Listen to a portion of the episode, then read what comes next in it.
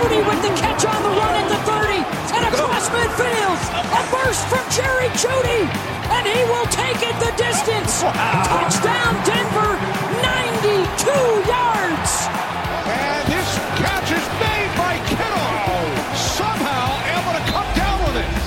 And the ball off, and then they flip it to Myers, who will throw it to Cam Newton. He's open inside the 10, into the end zone. Touchdown, Patriots. We flicker. Watson gonna go deep, has his man. It is caught for the touchdown. Brandon Cooks. Time for Rogers. Fires, and it's caught for the touchdown by Daphne.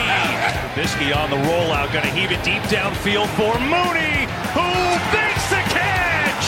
Oh, what a grab by Darnell Mooney, who went up and got it. Here's Dobbins weaving his way through, and now Dobbins a foot race.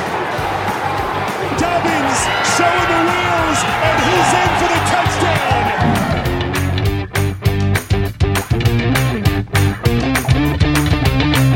Dit is NFL op woensdag, een wekelijkse podcast over, jawel, de NFL, de National Football League. NFL op woensdag is een productie van KVM Media. Je kan KVM Media op de diverse social media kanalen vinden via KVM Media. Het reguliere seizoen zit erop. Voor slechts 14 van de 32 teams begint het seizoen nu pas echt. Met de jacht op die ene hoofdprijs. De rest volgt het vanaf de bank en kijkt al stiekem met een schuin oog naar de draft. Mijn naam is Klaas-Jan. Tegenover mij zit Pieter. Mooi. En dit is seizoen 1. Aflevering 17 van NFL op woensdag.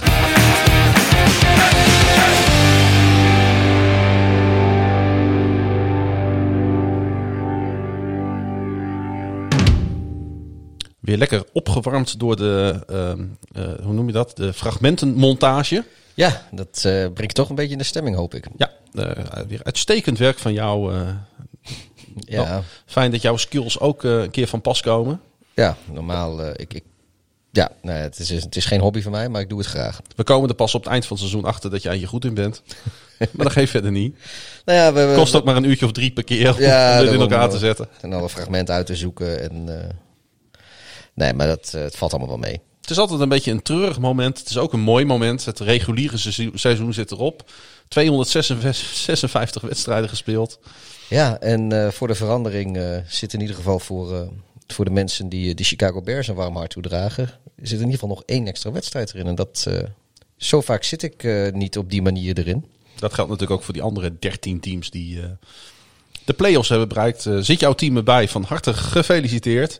Je kan nog even met spanning eh, inderdaad eh, door wat betreft eh, het Amer- American Football. Ja, ik, ik, ik, ik, ik zit in een groepchat met iemand die is een Patriots-fan.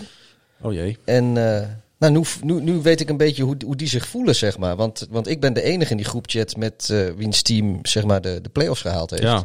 Vraag niet hoe, maar ze staan er. En ja, dat was, normaal was het altijd andersom. Want hij was met de Patriots de enige die, die meestal eh, de enige in het naseizoen. Dus ja, het, was, eh, het is een keer leuk eh, andersom. We gaan het er uitgebreid over hebben. Wat de teams zijn die het gehaald hebben, hoe ze het gehaald hebben en hoe ze het wellicht gaan doen. We gaan een beetje terugblikken, we gaan een beetje vooruitkijken. Het is een beetje van alles wat natuurlijk. Zo'n eh, laatste uitzending na de laatste reguliere seizoensweek. Ja, dus ik denk dat de luisteraars wel een paar uur vooruit mogen gaan trekken. Ja, ehm, Meer dan een paar uur. Nou, voor de duidelijkheid, we gaan niet nog apart weer eh, voorbeschouwen deze week. Hebben we geen zin in, hebben we geen tijd voor. nee, we doen, eh, we doen alles in deze uitzending. Ja. En daar moeten jullie mee doen. Dit is het. Meer wordt het niet. Ehm, tijdens de voorbereiding op deze nu al legendarische podcast en nu al legendarische aflevering werden wij op Twitter eh, gewezen op eh, een COVID-uitbraak bij de Cleveland Browns.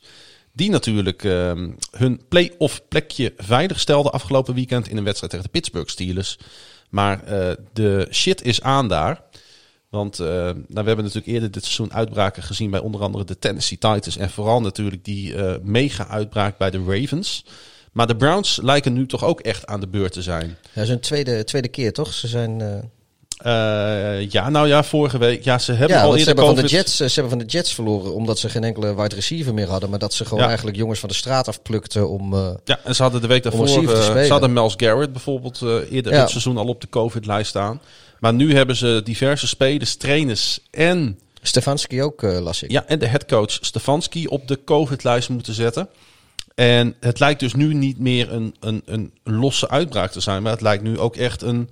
Ja, dit, Niet, niet zoals dat in Amerikaans-Engels zo mooi heet, contained. Ehm, volgens mij heeft de NFL een probleem en hebben ook de Cleveland Browns nu een probleem.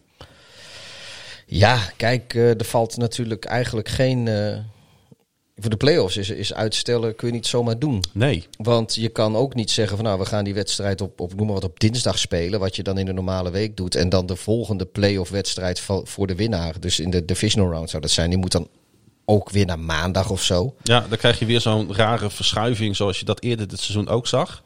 Ja, maar je hebt dan ook weer. Ja, ik, ik denk wel dat dat, eh, dat, dat is waar, waar, waar, wat ze dan naartoe gaan, denk ik. Dat ze, dat ze die wedstrijd één of twee dagen eh, uitstellen. En dan die andere ook weer. Maar ja, het, is, eh, het, het wordt er allemaal niet makkelijker op. Nee, het wordt er zeker niet makkelijker op. En ehm, eh, überhaupt moet je daarbij de vraag stellen: kun je een playoff wedstrijd uitstellen? Ja, maar is het wenselijk? Nee, maar af- afhankelijk van hoe groot die, die uitbraak bij de, bij de Browns is en wat het eventuele gevaar is voor een tegenstander, dan eh, zou het maar zo kunnen zijn dat uitstel de enige mogelijkheid is. Want afstel, ja, dat is ook niet eerlijk, want dan geef je de Steelers een gratis bye week, terwijl eh, de Bills nu juist alles op alles gezet hebben om die bye week te verdienen. Door gewoon met hun sterkste eh, spelersgroep te spelen. Waar de Dolphins weer last van gehad hebben. Dus ja, dan krijg je een soort cascade domino effect van, van onrecht. Wat dan in één keer in die AFC playoff eh, eh, verhaal. Want nog even voor de duidelijkheid: eh, de situatie zoals de NFL hem al voor het seizoen geschetst heeft, is: zijn er COVID-uitbraken, dan, ehm, eh, dan, dan kan er uitgesteld worden. Maar er kan alleen uitgesteld worden op het moment dat het niet onder controle is. Ja, dat klopt. En ja, daar lijkt het nu wel een beetje. Ja. Een beetje. Maar weet je, het is nu eh, dinsdagavond. Als we dit opnemen. Ja. En ik denk dat, eh, dat er, ja, we kunnen nu alleen maar heel veel speculeren. Maar de, de kans is groot dat eh, als mensen dit luisteren, dat er al meer duidelijk is. Dus Dat is waar. Het is wel een beetje een, een, een als ik het zo mag zeggen, een soort van Brownsby Browns verhaal. Ja, dat het kijk, juist het- hun nu op dit moment, dat is voor het eerst in 18 jaar halen ze de NFL playoffs. En dan krijgen ze hiermee te maken. ja, het meest brownsige scenario zou natuurlijk zijn dat, eh, Ja, dat ze eruit worden gehaald. dat, ze, dat ze eruit worden gehaald. Heb, je- heb je eindelijk de play-offs en dan mag je niet spelen. Het was, al, het was al heel triest dat ze. Nou, oké, dat, dat, er was al nauwelijks publiek wel een beetje natuurlijk bij dat ze het haalden voor het eerst in 18 jaar. Dat was eigenlijk wel een beetje. Ja, voor de. Wel sneu, maar goed. eh, de vreugde van het halen overheerste, denk ik vooral. Ja. Maar als je dan. eh, als het dan dreigt dat, eh, dat het op deze manier dan misgaat, dat is wel, wel heel erg Des Browns. Is wel echt pech. Laten we gaan naar de overige engagement. eh, wat op onze tijdlijnen eh, binnenkwam. Zo op Twitter en Facebook en Instagram. Je kan ons daar volgen via NFL op woensdag. Ehm, ik heb zoveel mogelijk vragen verwerkt in, het, in ons scriptje. Ehm, eh, ik heb ze niet allemaal erin kunnen zetten, want het was eh, zoveel wat er binnenkwam dat we, een, eh, dat we een beetje hebben moeten selecteren. Ik wou beginnen met een vraag van Nick de Groot. Vraag slash opmerking. Mannen, wat vinden jullie ervan dat teams aan het eind van het seizoen opzettelijk verliezen voor een betere draftpick het jaar erop? En is het een idee om dit tegen te gaan met bijvoorbeeld een loting van de onderste vier teams voor de eerste vier picks? En ja, of de eh, Philadelphia Eagles, want daar ging het deze week over, dat ook daadwerkelijk opzettelijk gedaan hebben. Daarover wou ik het vooral even straks hebben bij die, eh, bij die wedstrijd die we gaan bespreken. Ja. Maar die laatste vraag is natuurlijk wel super Een draft interessant. lottery. Een draft lottery, wat je natuurlijk in de NBA ook hebt. Nee, ik, ik, ehm, nee dat, ik, ik ben daar minder eh, genegen om dat, dat te willen in de, in de NFL. Ten eerste omdat, ja, tenzij het een quarterback is, maar eh, in principe gaat één speler, verandert je franchise niet zoals dat in het basketbal wel eh, kan gebeuren. Veel kleinere teams natuurlijk. Eh, daar is het team veel kleiner. Ja. Ehm, En ja, weet je, als de, de, de, de, pariteit in de NFL, ondanks dat er een paar teams zijn die het structureel beter doen, maar de, de pariteit in de NFL is wel gewoon, denk ik, groter dan in de NBA. En eh, dat, dat komt ook deels eh, om, omdat dat eh, heel erg gewaarborgd is. En nou, we, hebben het, we hebben het alles over gehad, over het tanken. Het heeft niet veel zin. Eh, je kan met, met, met wisselen of, of bepaald technisch beleid... kun je natuurlijk wel bepaalde sportieve resultaten afdwingen. Zoals in het geval van de Eagles, dat ze, die, die, dat ze Hurt- Hurts eraf halen... en wat was het, de Zuidveld erop zetten. Ja. Nou, die, die gast die kon er echt geen pannenkoek van. En dat weet je ook van tevoren. Dus dan weet je wel dat, dat, dat je gaat verliezen als je dat doet. En dat volgens mij zijn ze van plek 9 naar plek 6 in de draft gegaan, als ik me niet vergis. Nou ja, weet je, eh, eh, ik wens ze er alle succes mee. Maar ja, ik, ik, ik vind het respectloos naar je spelers toe om zoiets te doen. Want, want uiteindelijk zetten ze nog wel hun lichaam op de waagschaal, eigenlijk ook in zo'n laatste wedstrijd. Ja. Eh, en ze spelen inderdaad voor, voor een contract bij een ander team. Nou, dus, dus zal de Eagles zullen daar geen boodschap aan hebben. Maar ik, ik ja, ja. Ik moet zeggen dat ik er wel voorstander van ben. van een lottery. Ja, ik heb er niet per se eh, zwaarwegende, ehm, hoe noem je dat, zwaarwegende eh, argumenten voor. Maar ik vind wel dat wat daar gisteren, eergisteren, eh wanneer je ook luistert, drie dagen geleden gebeurde bij die wedstrijd tussen de Eagles en de Washington voetbalteam. Ik vind het wel treurig. En Ja, maar ik vind dan laat je als Eagles, laat je gewoon even zien waar je op dit moment als franchise voor staat. ja, En eh, eh, dat, dat zou, ja, maar de invloed eh, op, het hele, op, het, op de hele NFL, op de hele league, op de playoff picture is natuurlijk wel in dit geval vrij groot. ja, Want het betekent bijna direct, niet eens indirect, dat een bepaald team naar de playoffs gaat en een ander team niet. Nou, kijk, weet je, het, het gebeurt niet vaak dat een divisie zo slecht is. Alle vierde teams, dat ze allemaal zo slecht zijn als dat de NFC East dit jaar was. En normaal gesproken, als eh, een team strijdt tegen een die, volop voor een playoff plek. En er is een team die al eh, niet meer in de playoffs mee kan doen. En die een seizoen heeft gehad, zoals de Eagles die hebben gehad. Met de kwaliteiten zoals de Eagles die hebben dan maakt het geen reet uit of de Eagles wel of niet gaan tanken zo'n wedstrijd, want, want ze verliezen toch wel. Ja. Het is zo dat, dat, dat de, de, het slechtste team in de divisie, die moest eigenlijk gaan tanken om het beste team in de divisie zeker te, te laten zijn van die overwinning. Nou, dat, dat is wat, wat je zegt, anders heeft het tanken geen invloed gehad. Ik vind het vooral een beetje terug voor al die spelers eh, die Ja. gewoon een toffe wedstrijd willen spelen, die graag willen winnen. Eh, die, die, die het doen ook voor de fans, die nou ja, voor een groot deel dan eh, in dit geval natuurlijk thuis zitten. En dan heb je zo'n ja, zo'n general manager die tegen zo'n headcoach zegt van ik vind het allemaal leuk wat je doet. Maar het zal mij wel heel goed uitkomen als aan het eind van de wedstrijd.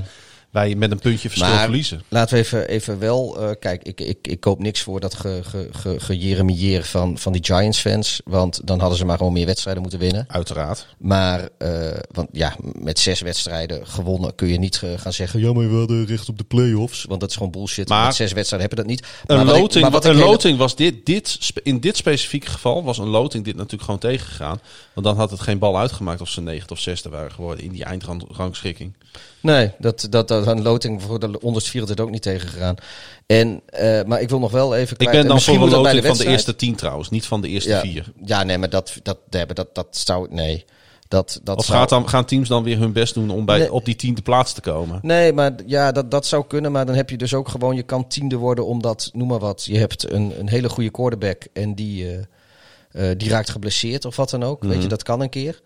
En dan eh, eindig je dus ergens eh, achtste of negende of tiende. En dan zou je de nummer één overal draft kunnen hebben, terwijl je eigenlijk gewoon best al een goed team hebt. Ja, dat kan. Dat, dat, dan, dan werk je dus tegen de pariteit die we juist hebben. ja, Eh, nee, ik, ik, ik vind, ik vind het dat is ook- niet dat- nodig. De dat is ook NFL, voor te zeggen, ja. de- het, het gebeurt, dat tanken gebeurt eigenlijk zelden. En zeker op de manier waarop, net zoals dat. Eh, eh, eh, er worden ook wel eens blessures gefaked voor injury timeouts. En ook de, dat waren de Giants trouwens, weet ik nog. Die hebben op een gegeven moment gingen die floppen, zoals ze dat noemden, om eh, het spel stilgelegd te krijgen. Een, paar, een aantal jaar geleden is dat al. Maar daar werd zo schande van gesproken. Op de een of andere manier zijn er, dat soort dingen in de NFL vinden ze dat toch maar een beetje raar. Als je op het veld ligt als speler, dan mankeert je echt gewoon wat. En als je een wedstrijd verliest, dan was je echt niet goed genoeg. ja. Dat is waar, eh, waar de NFL een beetje om draait. En af en toe zijn daar eens uitzonderingen op. Maar eh, ja, nogmaals, eh, ik vind de Eagles die hebben vooral laten zien wat voor organisaties ze of waar ze als organisatie voor staan. En dat hele gelul van, van knokken en, en niet opgeven en underdogs en weet ik veel, al die, al die mooie praatjes in hun Super Bowl seizoen van een aantal jaar geleden. En, en de, het imago wat ze zichzelf eh, daarvoor en daarna op basis van dat soort dingen, van harde werkers, eh, brede schouders, willen aanmeten. Nou, ze moeten gewoon hun bek houden nu, want ze hebben gewoon hun ware kleuren laten zien. En dat is gewoon. Laten we het erop houden dat het, eh, dat het niet fraai is. Nee, Ehm, Tiel van de Heuvel, leuk dat je een berichtje naar ons stuurde. Zoveel respect voor jullie uitgebreide excuus om door de week biertjes te happen. is er een hij. Belg? Nee, Tiel is geen Belg. Volgens mij komt Tiel uit Tilburg oorspronkelijk. Zeggen ze daar ook bierkes? Volgens mij is het een oud eh, Sport Amerika eh, collega van ons, weet niet zeker. Ehm, hij zegt, eh, en voor de content ook natuurlijk, ik sta agnostisch in de playoffs. Hoop gewoon op leukere partijen of leuke partijen. Nou, dat, Wij, eh, leuk, eh, wij willen ook graag een leuk partijtje. wij willen iedereen, iedereen die de NFL volgt wil leuke wedstrijden zien. Dus dat Ja. is eh, weinig nieuws. Maar wel leuk dat je even wat respect onze kant op twittert. We doen ook erg onze best. Het is ook de reden dat wij... wij hadden natuurlijk op zich ook maandag kunnen gaan opnemen. Waren we wel heel ver van woensdag af geweest, van onze shownaam. Maar deze, ja, deze podcast behoeft ook enige voorbereiding. Ja, Dus is het goed om dat toch een keer te benoemen. Alweer? Ja, nee, ja het is gewoon zo. Ja, nee, maar we hebben het, we hebben het er vaak over gehad. We hebben ook gewoon onze, onze banen en alles. Ja, en, eh, dus, eh, En zo'n eh, zo'n introotje wat jij bijvoorbeeld dan heel tof in elkaar knutselt. Ja, dat is niet in vijf minuten gedaan. nee, de meeste tijd is het wel een zoeken naar fragment, geschikte fragmenten en zo. Ja. En, en de volumes een beetje afmixen. Maar goed, dat, ja. Maar we doen het graag. Eh Geert-Jan Damwinkel zegt heel benieuwd wie jullie vinden dat Rookie of the Year moet worden. En hij zegt, eh, hij, hij zegt daarbij dat de keuze is tussen Herbert of Jefferson. Nou, ik moet wel eerlijk zeggen dat ik het daar wel mee eens ben. Dat het tussen deze twee boys gaat. Ehm, ja, Herbert of Jefferson. Kijk, ik snap ook wel waarom hij eh, dit zegt. Het is natuurlijk de easy, eh, de easy go, de easy pick om naar de quarterback te gaan. Maar dat is natuurlijk ook niet voor niks. Hè? It's a quarterback league. Het zijn de belangrijkste spelers. Maar wat Jefferson laat zien in het middelmatige seizoen van de Minnesota Vikings. ja. Ja, voor mij is het een beetje een soort van coin flip tussen deze Ja, twee ik- spelers. Ik vind ze allebei ongelooflijk tof om naar te kijken. Ze, ze- ze- ze- dat je er vanuit college zo staat in je eerste jaar gelijk al. Ja, kijk- zonder enig Ja. probleem. Vind ik ook echt bij beide spelers Wat, ontzettend nou, wat, knap. wat, wat Jefferson laat zien is natuurlijk eh, is, is verschrikkelijk knap. Maar, maar ik, ik heb dan wel zoiets van, joh, hij komt daar in een, eh, in een, in een nou, gespreid bedje wil ik niet zeggen. Maar de, de, de, de loop, er staat gewoon een solide aanval. Hij vervangt eigenlijk eh, Dix, die naar de Bills vertrokken is natuurlijk. Maar hij zit daar met Thielen en, en Cousins, die allebei redelijk veteraan zijn ondertussen. En ja, hij past moeiteloos in dat systeem. En je, moet het doen hoor. Het is, ik, heb, ik wil daar eigenlijk niks aan afdoen. En dan vind ik eigenlijk wat, wat onze grote vriend Herbert doet.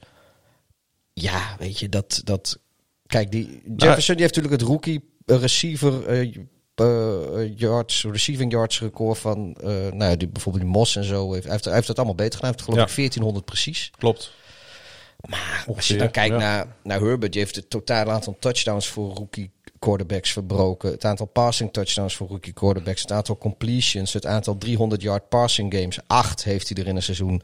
Hij heeft tien wedstrijden met één of meer. Of met meer dan één touchdown. Met twee of meer. En zes wedstrijden met drie of meer. En eh, hij komt 39 yard tekort voor eh, het eh, passing yards Ja. voor rookie quarterbacks. Ja, klopt. En dat doet hij allemaal in één keer in één seizoen.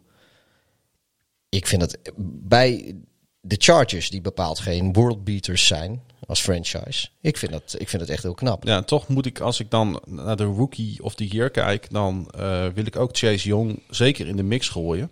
Ja. En waarom ik misschien wel voor Chase Young zou gaan, is dat ik vind dat hij naast dat hij een geweldige prestatie levert en geweldige statistieken aflevert, ook een stuk leiderschap toont. En een stuk Ja. uitstraling heeft wat ik zelden bij een rookie-speler heb gezien. Misschien dat bijvoorbeeld een, een Ray Lewis of zo met zijn uitstraling. Dat dat een beetje in de buurt komt van iemand die gelijk Dus vanaf van die, eh, seconde één... Doet die jongen van die rare dansjes? Nee, hij doet niet van die rare dansjes, nee. En hij komt ook niet thuis met bebloede handdoeken en dingen. Wat was het? Dat was eh, later, was hij geen rookie. Oké. Nee, maar je snapt denk ik waar, waar ik naartoe wil. Ja. Eh, ik zag hem ook afgelopen weekend weer als, als, alsof hij al, al 15 jaar aanvoerder van dat team is. Zijn oudere de spelers die Ja. al 10 of 12 jaar in de league rondlopen, zie ik, zie ik die jongen aanvoeren als aanvoerder. Nou, dan, dan heb ik een, eh, een, Dus ik een- vind- een- ik heb een voorstel, daar ben je het dan vast wel mee eens. Ja. Dat geldt dan zowel voor eh, Rookie of the Year, maar wat mij betreft ook voor MVP. Dan moeten we gewoon net doen als wat ze in de, in de Major League eh, Baseball doen. Quarterbacks krijgen gewoon een eigen award. ja. Zoals in, in, in het honkbal heb je de, de Cy Young Award. eh, dat is voor pitchers, want anders Mhm. zouden pitchers ieder jaar de MVP eh, winnen in de MLB. Nou, feitelijk is dat met de NFL met quarterbacks eigenlijk ook zo. Dus, dus introduceer een, een, weet ik veel, een Sammy Baugh of een, of een eh, Sid Luckman Award. weet je, noem hem naar een, naar een historisch verantwoorde quarterback. En daar mogen de, de quarterbacks en al dan niet de rookies eh, lekker om mee gaan strijden. En de rest van de posities die kunnen dan voor de MVP, eh, de normale MVP-trofee eh, strijden. Ik denk dat dat iedereen gelukkig maakt. Als ik tussen deze twee zou moeten kiezen, dan zou ik uiteindelijk met het mes op de keel voor Justin Herbert gaan. En als ik mocht kiezen, dan zou ik hem aan Chase Young geven.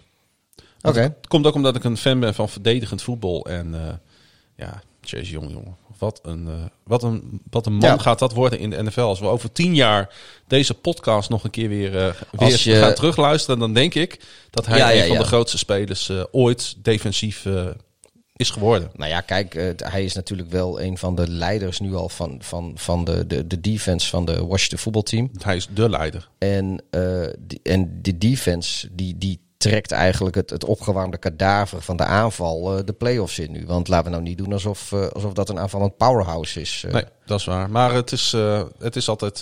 het is wel weer lekker dat dit soort spelers. eh, ja, komen bovendrijven in zo'n seizoen. Ja, Dat er toch elke keer weer nieuwe aanwas, aanwas van toptalenten is. Ehm, ehm, eh, Dennis Jansen, moest even scrollen.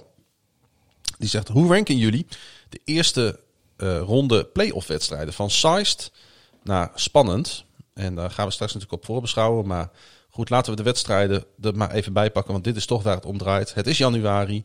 We gaan playoff spelen. Eh, het schema is als volgt. Komende zaterdag kun je kijken om 5 over 7 naar Indianapolis Colts at Buffalo Bills. Om 20 voor 11 naar Los Angeles Rams en at Seattle Seahawks. En dan om eh, kwart over twee s'nachts. De nachtwedstrijd gaat tussen de Tampa Bay Buccaneers op bezoek bij de Washington Redskins. Dan gaan we naar de zondag. Spelen om 5 over 7 de Baltimore Ravens in Nashville tegen de Tennessee Titans. Dan om 20 voor 11 de Chicago Bears op bezoek bij de New Orleans Saints. En tot slot de laatste wedstrijd van deze, eh, van deze wildcard round. Cleveland Browns at Pittsburgh Steelers op Heinz Field weer om kwart over twee s'nachts. nou, ik denk dat de saaiste wedstrijd eh, de Bears het Saints wordt. Ik denk dat de Saints daar niet zoveel moeite mee gaan hebben. En dat, eh, ik, ja, dat, dat kon wel eens een veegpartij worden. Eh, de, de defense van Chicago, die, ja, die, die is zo lekker zo'n mandje de laatste, de laatste weken. Ja. Eigenlijk sinds week 12 al. Sinds de bye week. Ehm, ik denk dat... eh, je zou normaal denken misschien wel de Washington voetbalteam tegen Tampa Bay. Maar Dat die daarna sneaky- komt, ja. Maar dat zou sneaky wel eens een leuke wedstrijd kunnen zijn. Want we hebben gezien hoe eh, lastig Tom Brady het heeft als hij tegen een hele goede defense speelt.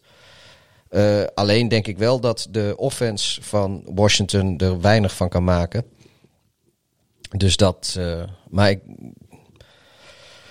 Ja, weet je, het is, dat de het- Steelers en de Browns, weet je, dat kan ook heel saai worden als de helft van de Browns in COVID-protocol Ja. zit en ze, en ze daar weer jongens van de straat moeten plukken. En ik maak mij ook wel zorgen over Rams at Seahawks hoor. Zeker als Jared Goff niet speelt. Ja, als dan, Goff niet, ja. dan gaat Seattle natuurlijk gewoon heel eerlijk en objectief gezien Ja, een hele dan- makkelijke avond krijgen. Ja, dat is inderdaad, als, als zonder Goff wordt dat ook, eh, wordt dat ook lastig. En dat zou je zelfs van Colts at Bills ook kunnen zetten. Met hoe de Bills natuurlijk bezig zijn. Ehm, ja, dat, ja, dat- maar dat, dat, dat, dus, nee, dat, dat, dat, is al lastiger. eh. Nou, Ja, Weet je, dat, dat, dat, dat kan best wel aan elkaar gewaagd zijn. En Titans en Ravens, weet je, dat kan ook. Of Ja, de Ravens kunnen. Weet je, er valt echt geen reet van Ik te denk zeggen. eerlijk- Ik denk gewoon dat, dat, de- dat de Bears en de Saints, dat dat gewoon. Mhm. Ja, weet je, daar, daar zit gewoon. eh, Dat kan zomaar eens even twee, twee, twee drie scores verschil in gaan zitten. ik denk aan dat... het eind eh, van, eh, van het vierde kwart. Ik denk dat de Baltimore Ravens en de Tennessee Titans en de Cleveland Browns en de Pittsburgh Steelers, dat die in principe dichtst bij elkaar liggen. Nou ja, Cleveland nu dus al niet meer als die. Ja, daar heb je ook wel weer gelijk in. Maar ja, even ik bedoel, los, die gaan meer, meer missen dan. Ja, als daar geen COVID-gevallen bij komen, dan zijn ze zeker competitief aan de Steelers. En ik denk dat de Ravens en de Titans, met de, hoe, hoe die aanvallen eh, spelen de laatste weken, dat kan natuurlijk een geweldige wedstrijd worden. Dat kan maar zo, eh, weet je, dat kan maar zo weer zo'n Browns-Ravens uitslag worden. Zullen we even snel terug gaan blikken eh, op de afgelopen week? Ja, dat is goed. Dan neem ik wel eerst even een slokje drinken. Want eh, we moeten de kelen even smeren. Ja. Want het is weer tijd voor Ehm, hoe heet het ook alweer? de NFL, maar dan snel. Ja, waar we het vorige week nog hadden over een teleurstelling, mogen we inmiddels wel spreken over een tragedie. Al die intercepties vallen eigenlijk niet meer te Buffalo Billiken. En het is dan ook finito voor de Fins. Fijn zonder dolfijn. Naar de playoffs kijken met z'n allen. Bij de Ravens hebben ze inmiddels zoveel running backs dat ze een estafetteploeg met wissels kunnen beginnen. De een na de ander neemt de benen en zo blijkt maar weer. In weerwil van wat de wetenschap ons wil doen geloven, is een raaf uiteindelijk gewoon een loopvogel. Op een terras in Jacksonville zit Big Ben wanhopig met zijn vingers te knippen... tot eindelijk de serveerster opkomt dagen om hem van dienst te zijn. Ondertussen in Cleveland verspeelden de Steelers de number 2 seed in de AFC. Aan de Browns om de Steelers komend weekend weer een poppy te laten ruiken. Waar een groot deel van de NFL in een bloedstollende strijd om playoffs verwikkeld was, speelden de Lions en de Vikings nergens meer voor.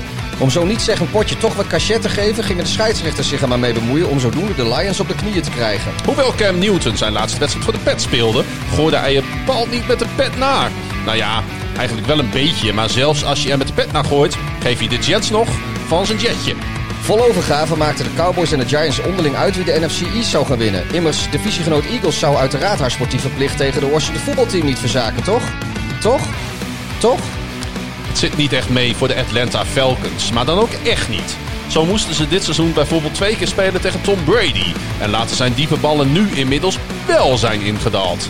Blaine Gabbert mocht deze week dan ook gewoon op de bank blijven zitten. En een Hall of Fame uitverkiezing lijkt voor Blaine verder weg dan ooit. Net als je denkt dat de Packers met Aaron Allen Karen hebben die op Soldier Field verontwaardigd om de manager vraagt, is er nu ook een Daphne die de arme Bears het leven zuur maakt. Trubisky riep nog, weer kansloos ten onder. Dat gebeurt Moe niet, maar het gebeurde Moe wel. Zo aan het eind van een lang seizoen zijn er voor de schrijvers van deze show weinig leuke dingen te verzinnen over een saaie franchise als de Broncos. Elke leuke grap, maar vooral ook elke niet leuke grap is inmiddels wel gemaakt. Gelukkig zien we Denver dit seizoen niet meer terug en onze schrijvers krijgen zo slecht betaald dat die het ook wel eens voor gezien zouden kunnen houden. Iedereen heeft het hele weekend over niets anders gepraat dan over de Jacksonville Jaguars. Maar de show in Indianapolis kon wat NFL op woensdag betreft natuurlijk maar door één iemand gestolen worden. Ja, red je seizoen maar en stap dan met opgeven over van het veld, heer. De Chargers speelden wel met Herbert, maar Mahomes was er niet. Die dwaalde namelijk zoeken door Sesamstraat, want hij wilde Miss Piggy versieren met zijn Kermit-stem. Een kansloze onderneming natuurlijk, want iedereen weet dat Miss Piggy gewoon op Arrowhead de Chiefs stond te coachen. Als de Rams hun beste quarterback op de bank houden, dan kunnen wij niet achterblijven, moeten de Cardinals gedacht hebben. Want Kyler Murray verdween al snel van het veld en met hem de hoop op playoff deelname.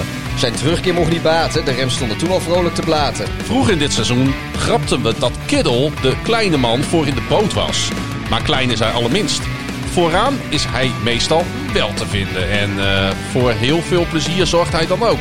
Russell, die wil dat soort funzigheid liever niet in zijn keuken en maakte er dan ook korte metten mee. Van passing leader in de NFL naar derde viool achter Breeze en Hill.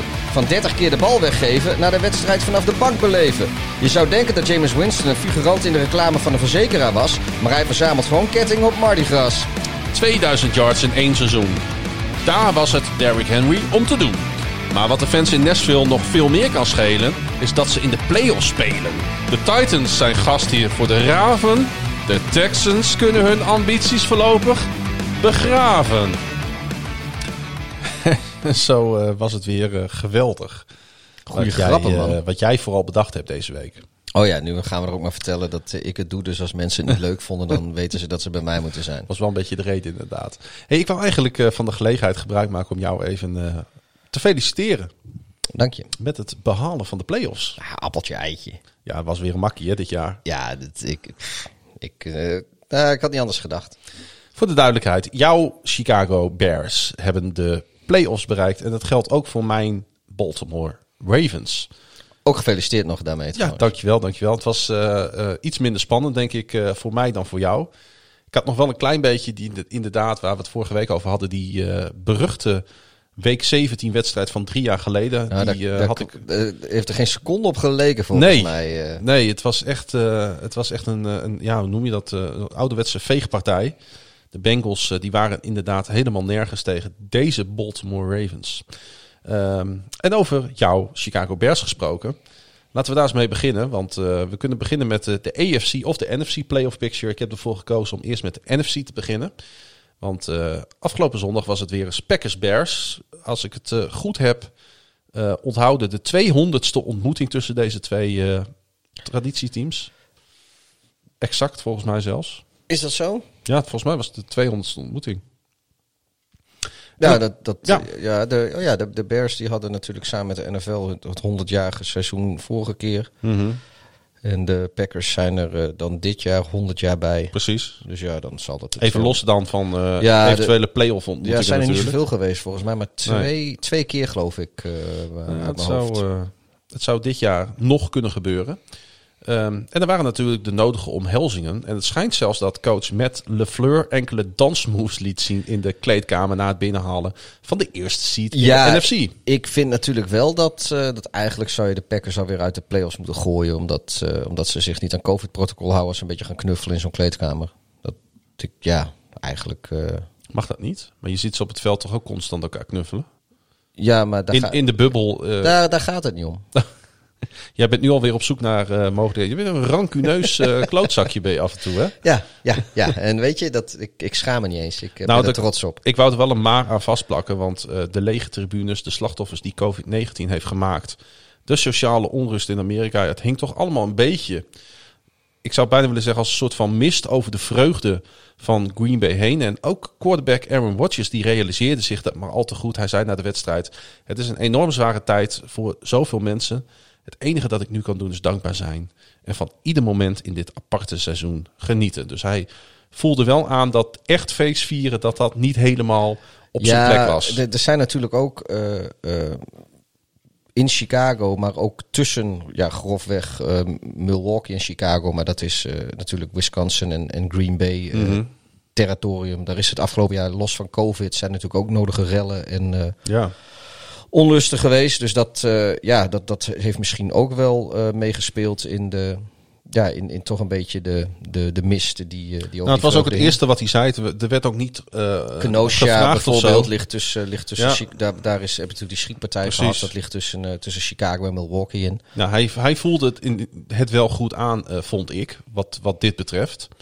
En ehm, ze hebben een weekje rust. En we gaan dus ook de Chicago Bears terugzien in de playoffs. Voor de tweede keer in drie jaar een ondercoach met Nagy. Ja, je kunt toch niet zeggen dat Matt Nagy geen succesvolle coach is de afgelopen drie jaar wat dat betreft. Nou ja, kijk, hij heeft eh, in drie seizoenen maar één keer een winning record gehad. Maar aan de andere kant nog nooit een losing record. En eh, twee van de drie keer had hij Ja. de playoffs. En weet je, ik heb heel veel kritiek op Nagy en, en wat hij doet. En nou ja, dat, daar weet je alles van. Maar wat ik wel... eh, hij verandert wel. Weet je, als dingen niet werken, dan past hij het aan. Hij leert en... en Ja, hij deed het iets te laat, naar mijn inzicht, Ja, dit jaar. Ja, hij, Er hij- waren wel heel veel nederlagen voor nodig voordat hij een keer inzag van ik moet... Oh, dat, dat, dat, dat is ook zo. Ja. En, en de, kijk, het heeft ook verschrikkelijk lang geduurd voordat hij überhaupt eh, eh, zoiets had van nou misschien moeten we inderdaad meer gaan plannen om de, om de sterke punten die, eh, die er zijn in, in, in, in deze plaats van aanval. in alleen maar wat van- mijn visie is. Precies. Ja. En eh, nou, het is jammer dat, eh, dat, op, dat dat gebeurt op een moment dat, eh, dat de verdediging eigenlijk de steek laat vallen. Maar goed, het heeft allemaal heel lang geduurd. Maar het gebeurt wel. En ja, ik kan wel roepen om zijn hoofd. En heel veel mensen in Chicago die willen eigenlijk wel dat, eh dat Nagy vertrekt. Ja, ik denk dat hij statistisch Ik- gezien een van de betere coaches in de historie van de, van de franchise is. Nou ja, ik weet niet of je dat na drie seizoenen zomaar kan zeggen. Nou, over Maar- drie seizoenen, er zijn teams die verslijten in drie jaar eh, drie, drie coaches. Nee, dat is ook zo. En ik heb gewoon zoiets van, van ja, kijk het, kijk het nog aan. En, en weet je, ja, ik, wie, er zijn acht teams, geloof ik, eh, die op zoek moeten naar een nieuwe coach. Nou, officieel op dit moment zes. Ja, Ja. maar ik, ik denk als, gaan nou er ja, als, ja, maar als de Bears Nagy ontslaan, zijn ze de zevende. Ja. Er komt vast nog wel ergens eh, wat bij. De, de kans dat, weet je, er, er zijn niet eens acht topcoaches. Nee, dat is waar. Dus, dus ja, ik, ik- je weet wat je hebt met Nagy. En ach, weet je, dat, dat is ook nu niet het moment, denk ik, om erover te praten. We, hebben, er Nee. is, zit eerst nog in de playoffs, seizoen is nog eh, volop bezig. Ja, een beetje hulp hadden jullie wel nodig. eh, want jullie verloren dus thuis van de Packers. Jullie is hier dus Chicago. En er kwam hulp uit, ehm, uit LA. Waar werd die wedstrijd ook alweer gespeeld? Ja, volgens mij eh, speelden de Rams thuis of speelden ze bij de Cardinals in Arizona? Nou, maakt ook niet zoveel uit. Eh, er kwam in ieder geval hulp van de Los Angeles Rams. Want die wonnen van de Arizona Cardinals. Zo zijn ze. Toppers. Ja, en dat was eh, nodig ook voor de, voor de Bears. En Chicago kan zich dus opmaken voor een wedstrijd in New Orleans. Kick-off komende zondag, 20 voor 11 Nederlandse tijd. En het eh, maakte safety Eddie Jackson weinig uit hoe zijn team de playoffs bereikte. Ja, playoffs is playoffs. Daarom, hij zegt, we zitten erbij en daar gaat het om. En dat kon hem ook weinig schelen tegen wie ze kwamen te spelen. Ja, dit Ja. is toch waar die, waar die spelers voor leven, hè? Ah, nee, maar dat, dat is ook zo. Kijk, je, eh, sowieso met een nederlaag eh, was het volgens mij eigenlijk alleen maar mogelijk volgens mij om naar New Orleans te gaan. Ja. Dat zou automatisch betekenen dat Green Bay won. Dus Seattle was dan volgens mij... Zat ook nog in het scenario. Ja, ik, maar het kan ook wel zijn dat dat was als, als je zou winnen. Ja, als als je Chicago zelf zou winnen, Maar klopt. ik weet niet of, of Seattle in het scenario zat als, eh, als Chicago zou verliezen. Maar hoe dan ook. Kijk, het een- het enige houvast is, is dat je naar een eh, publiek. Hoewel er is wel een beetje publiek bij, geloof ik, straks in New Orleans. Maar eh, vol zal het zeker niet zijn. Dus, dus je zit niet in een, in een uitzinnige Mercedes-Benz Superdome. Nee. Maar ja, als je ziet hoe die verdediging, hoe makkelijk die de punten weggeeft, hoe, hoewel het deze keer redelijk lang best Mhm. spannend bleef. Maar als je ziet hoeveel punten eh, eh, Green Bay de, New Orleans Saints scoren de laatste weken per wedstrijd en hoe de Bears ze, weggeven, denk ik niet dat het zo spannend wordt als eerder dit seizoen op Soldier Field. Nee, inderdaad. Aaron Rodgers was zondagavond niet voor de eerste keer dit jaar de kurk waarop de zaak drijft, om het eh, maar even zo uit te drukken. Hij is nu samen met ene Peyton Manning de enige speler in de geschiedenis van de NFL die minimaal 45 touchdowns weet te gooien in meerdere seizoenen. Rodgers kwam zondag uit op een totaal van 48, waarbij hij eh, waarbij hij de, de vorige season high van 45 uit 2011 dus nog eens sterk verbeterde. De tweevoudige MVP gooide tegen Chicago voor 19 uit 24 en 240 yards, geen intercepties. En eh, volgens eh, teamgenoot dat en heeft hij, eh, receiver... daar had hij wel, mocht je van geluk spelen, want, of spreken. Want er waren toch een aantal intercepties die. Of een aantal ballen die hij gooide, die maar zo voor een intercep- interceptie eh, gegaan hadden kunnen zijn. Die werden letterlijk, eh, waren de Bears die ze dropten. Maar bijna is niks, hè? Nee, nee, nee, maar goed, het is niet alsof die. eh, Nou, hij, hij, speelde, hij speelde op het randje. ja, En zoals hij wel vaak Ja, hij- speelt. hij- en het lukt hem dan toch ja, om nee, die intercepties niet op zijn naam te krijgen. nee, er, was, er was een fase in de wedstrijd daar waarin hij in één keer zijn stukken minder goed was. Hmm. gooit hij een paar keer van die bijna intercepties. Nou, en dat, het lag niet aan hem dat dat geen intercepties waren. Nee. Maar eh, ja, hij pakt zich natuurlijk gewoon en, en eh, ja, veegt eh, de vloer aan met, met de Chicago defense in het vierde kwart. Nou ja, ik hoorde Maar er Adams was, er was, na de was een fase dan... dus waar, waar, waar, waar het had gekund en Ja, waar, klopt. waar het minder was. Maar goed, dat is het vervelende van tegen Aaron Rodgers spelen. Je, hebt, je krijgt hele kleine, hele kleine kruimeltjes Ja. en die moet je, daar moet je vol voor gaan. En als je er ook maar eentje mist, dan, nou ja, dan, dan straft hij dat keihard af. Dan had eh, Devante Adams, de eh, zo sterk spelende receiver bij de Packers, na de wedstrijd dan gelijk om te zeggen dat Rodgers op dit moment eigenlijk de enige serieuze kandidaat voor MVP van dit seizoen is. Als er dan toch weer een quarterback moet zijn, ja. Ja, ik... eh, En ook als. eh, maar dat is weer omdat, ja, wat we net zeiden, van eigenlijk zou de quarterback zijn eigen woord moeten hebben. mhm. Maar Als je het ja, over het hele seizoen bekijkt. ik denk dat, dat het heel lastig te verdedigen is om, om, om iemand anders MVP te maken. Ja. Zelfs Derrick Henry bijvoorbeeld. Ja, ik, ik, als je. most valuable player, de speler die de meeste waarde heeft gehad voor zijn team, als dat je criterium is, ja, dan denk ik dat je naar Aaron Rodgers, eh, ja, dat je niet veel verder hoeft te kijken. Ik denk het ook niet. Dat de Bears de playoffs hebben gehaald is een klein wondertje. Al heeft het natuurlijk ook te maken met de extra playoff spot eh, sinds dit seizoen. Sinds de EFL-NFL-fusie in 1970 is Chicago het derde team dat het na seizoen weet te bereiken nadat het een losing streak van zes wedstrijden heeft gehad. Er waren de afgelopen weken drie overwinningen, maar de Packers waren duidelijk van één ander kaliber. Dat klopt. Hoe vond je Mitchell Trubisky spelen? Wisselvallig weer. Weet je, de, kijk, hij is, hij is gewoon gelimiteerd. Hij eh, kan heel veel dingen niet. Eh, hij kan een paar dingen wel. Hmm. Eh, ik, ik had het idee dat hij, eh, dat hij meer dan de afgelopen weken aan een touwtje speelde. Dus dat, hij, dat er heel veel dingen die, die de afgelopen weken wel mochten, dat dat, dat nu bij gameplan design. eh, Het was een beetje mijn Heel kritiek behoudend, ja. toen wij naar die wedstrijd zaten te kijken. We hebben die samen gekeken. Ik eh, stoorde mij behoorlijk aan de playcall, met name op de first down. Ja, het, het, was, het was allemaal wat behoudener. En ik, ik vind dat wel jammer, want dat is ook. eh, eh, die, die playoff wedstrijd tegen de Eagles twee seizoenen terug, die begon eigenlijk ook zo. Dat was ook de hele eerste helft. Ja. eh, en, en zelfs tot ver in het derde kwart werd er heel behouden gespeeld, omdat op het laatste moment de gameplan aangepast moet worden. En dan zie je dat op het moment dat, dat, dat, dat, dat er alles losgelaten wordt, dan, ja, weet je, dan is er, als hij gaat guns, gunslingen, dan is er best wat mogelijk. Ja, weet je, hij gooit dan ook gewoon intercepties, dat, dat weet je. Dat, dat hoort er gewoon bij, eh, bij hem. Want Nou, het was er maar één, maar hij is wel duur tegen de Packers. ja, nou ja, goed, wat veel duurder is, is dat je, dat je, wat was het, vijf keer in de red zone staat en maar één touchdown maakt. En, eh, en verder het eh, met, met field goals afdoet. Ja, en, een, op- en een turnover on downs volgens mij. Ja, er was op een gegeven moment ook een moment dat, ehm, eh, dat ze nog zes seconden op de klok hadden staan in de eerste helft. En voor nog een poging naar de endzone hadden kunnen gaan. En toen koos, ja, wie dat dan ook is bij de Chicago Ja, Bears, op dat, dat- moment ervoor om voor de field goal te gaan. Vond jij dat te billijken, om dat woord nog maar eens een keer te gebruiken? De Buffalo Billiken, ja. ehm, ik, ik weet het niet hoor. Kijk, ik heb, toen had ik, was mijn eerste ingeving van... joh, eh, die drive die ging prima eigenlijk. Ja. En eh, ga er gewoon voor. Doe het gewoon. Eh, Met andere- zelfs de mogelijkheid dat er nog één of twee seconden op de klok blijft staan. als je het snel doet. Ja, als je het snel doet, dan heb je, heb je, heb je misschien nog net, eh, net een... En het is een incompletion. Of, of inderdaad, als je het niet ziet, direct die bal door die endzone heen gooien. Zodat Maar je ik nog... miste toch een beetje Maar- de hele wedstrijd door de urgentie van we gaan er je- echt voor. ja.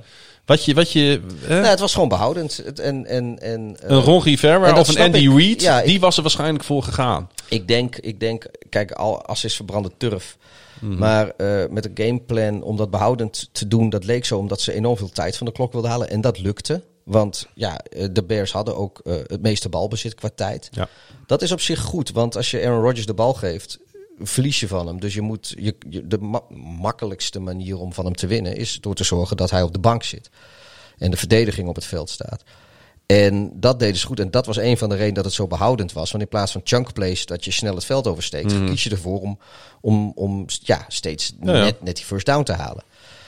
Alleen eh, waar het echt misging, is dat het, eh, dat het in de red zone gewoon niet lukte. Kijk, als je daar gewoon je touchdowns maakt. Dan, heb je een andere eh, wedstrijd. Om, het maar, om maar een open deur in te trappen. ja nee, want, want Green Bay maakt ze wel. Ja. Die maakt wel gewoon die touchdowns. Ja. Die, en die is lang niet zoveel tijd eh, gaan die ervoor gebruiken als jij, jij al nodig hebt. Dus, maar goed, Trubisky die connecte vooral goed met rookie receiver Darnell Mooney. Die een career high 11 catches voor 93 yards noteerde. Voordat hij in het vierde kwart van het veld moest met een enkel blessure. Laten we hopen eh, dat hij weer bij. is eh. Oké. David Montgomery was ook weer veelvuldig te zien met 69 yards en een touchdown over de grond. En 9 gevangen passes voor 63 yards. Hij is toch aardig los dit seizoen. En Cairo Santos, wou ik toch ook even benoemen, wist alle drie de field goals, field goal pogingen tot een goed einde te volbrengen.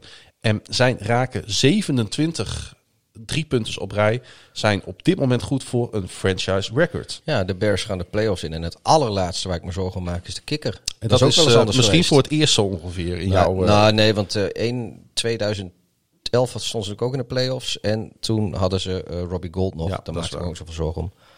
2000, het waren- was van seizoen 2010, maar het was in 2011 die playoffs. We dalen af op de NFC Playoff Picture ladder. En dan komen we automatisch uit bij de nummer 2. De tegenstander. De New Orleans Saints, die met 33-7 in Charlotte van de Carolina Panthers wonnen. En door de zegen van de Packers liepen de Saints een eerste ronde bye mis.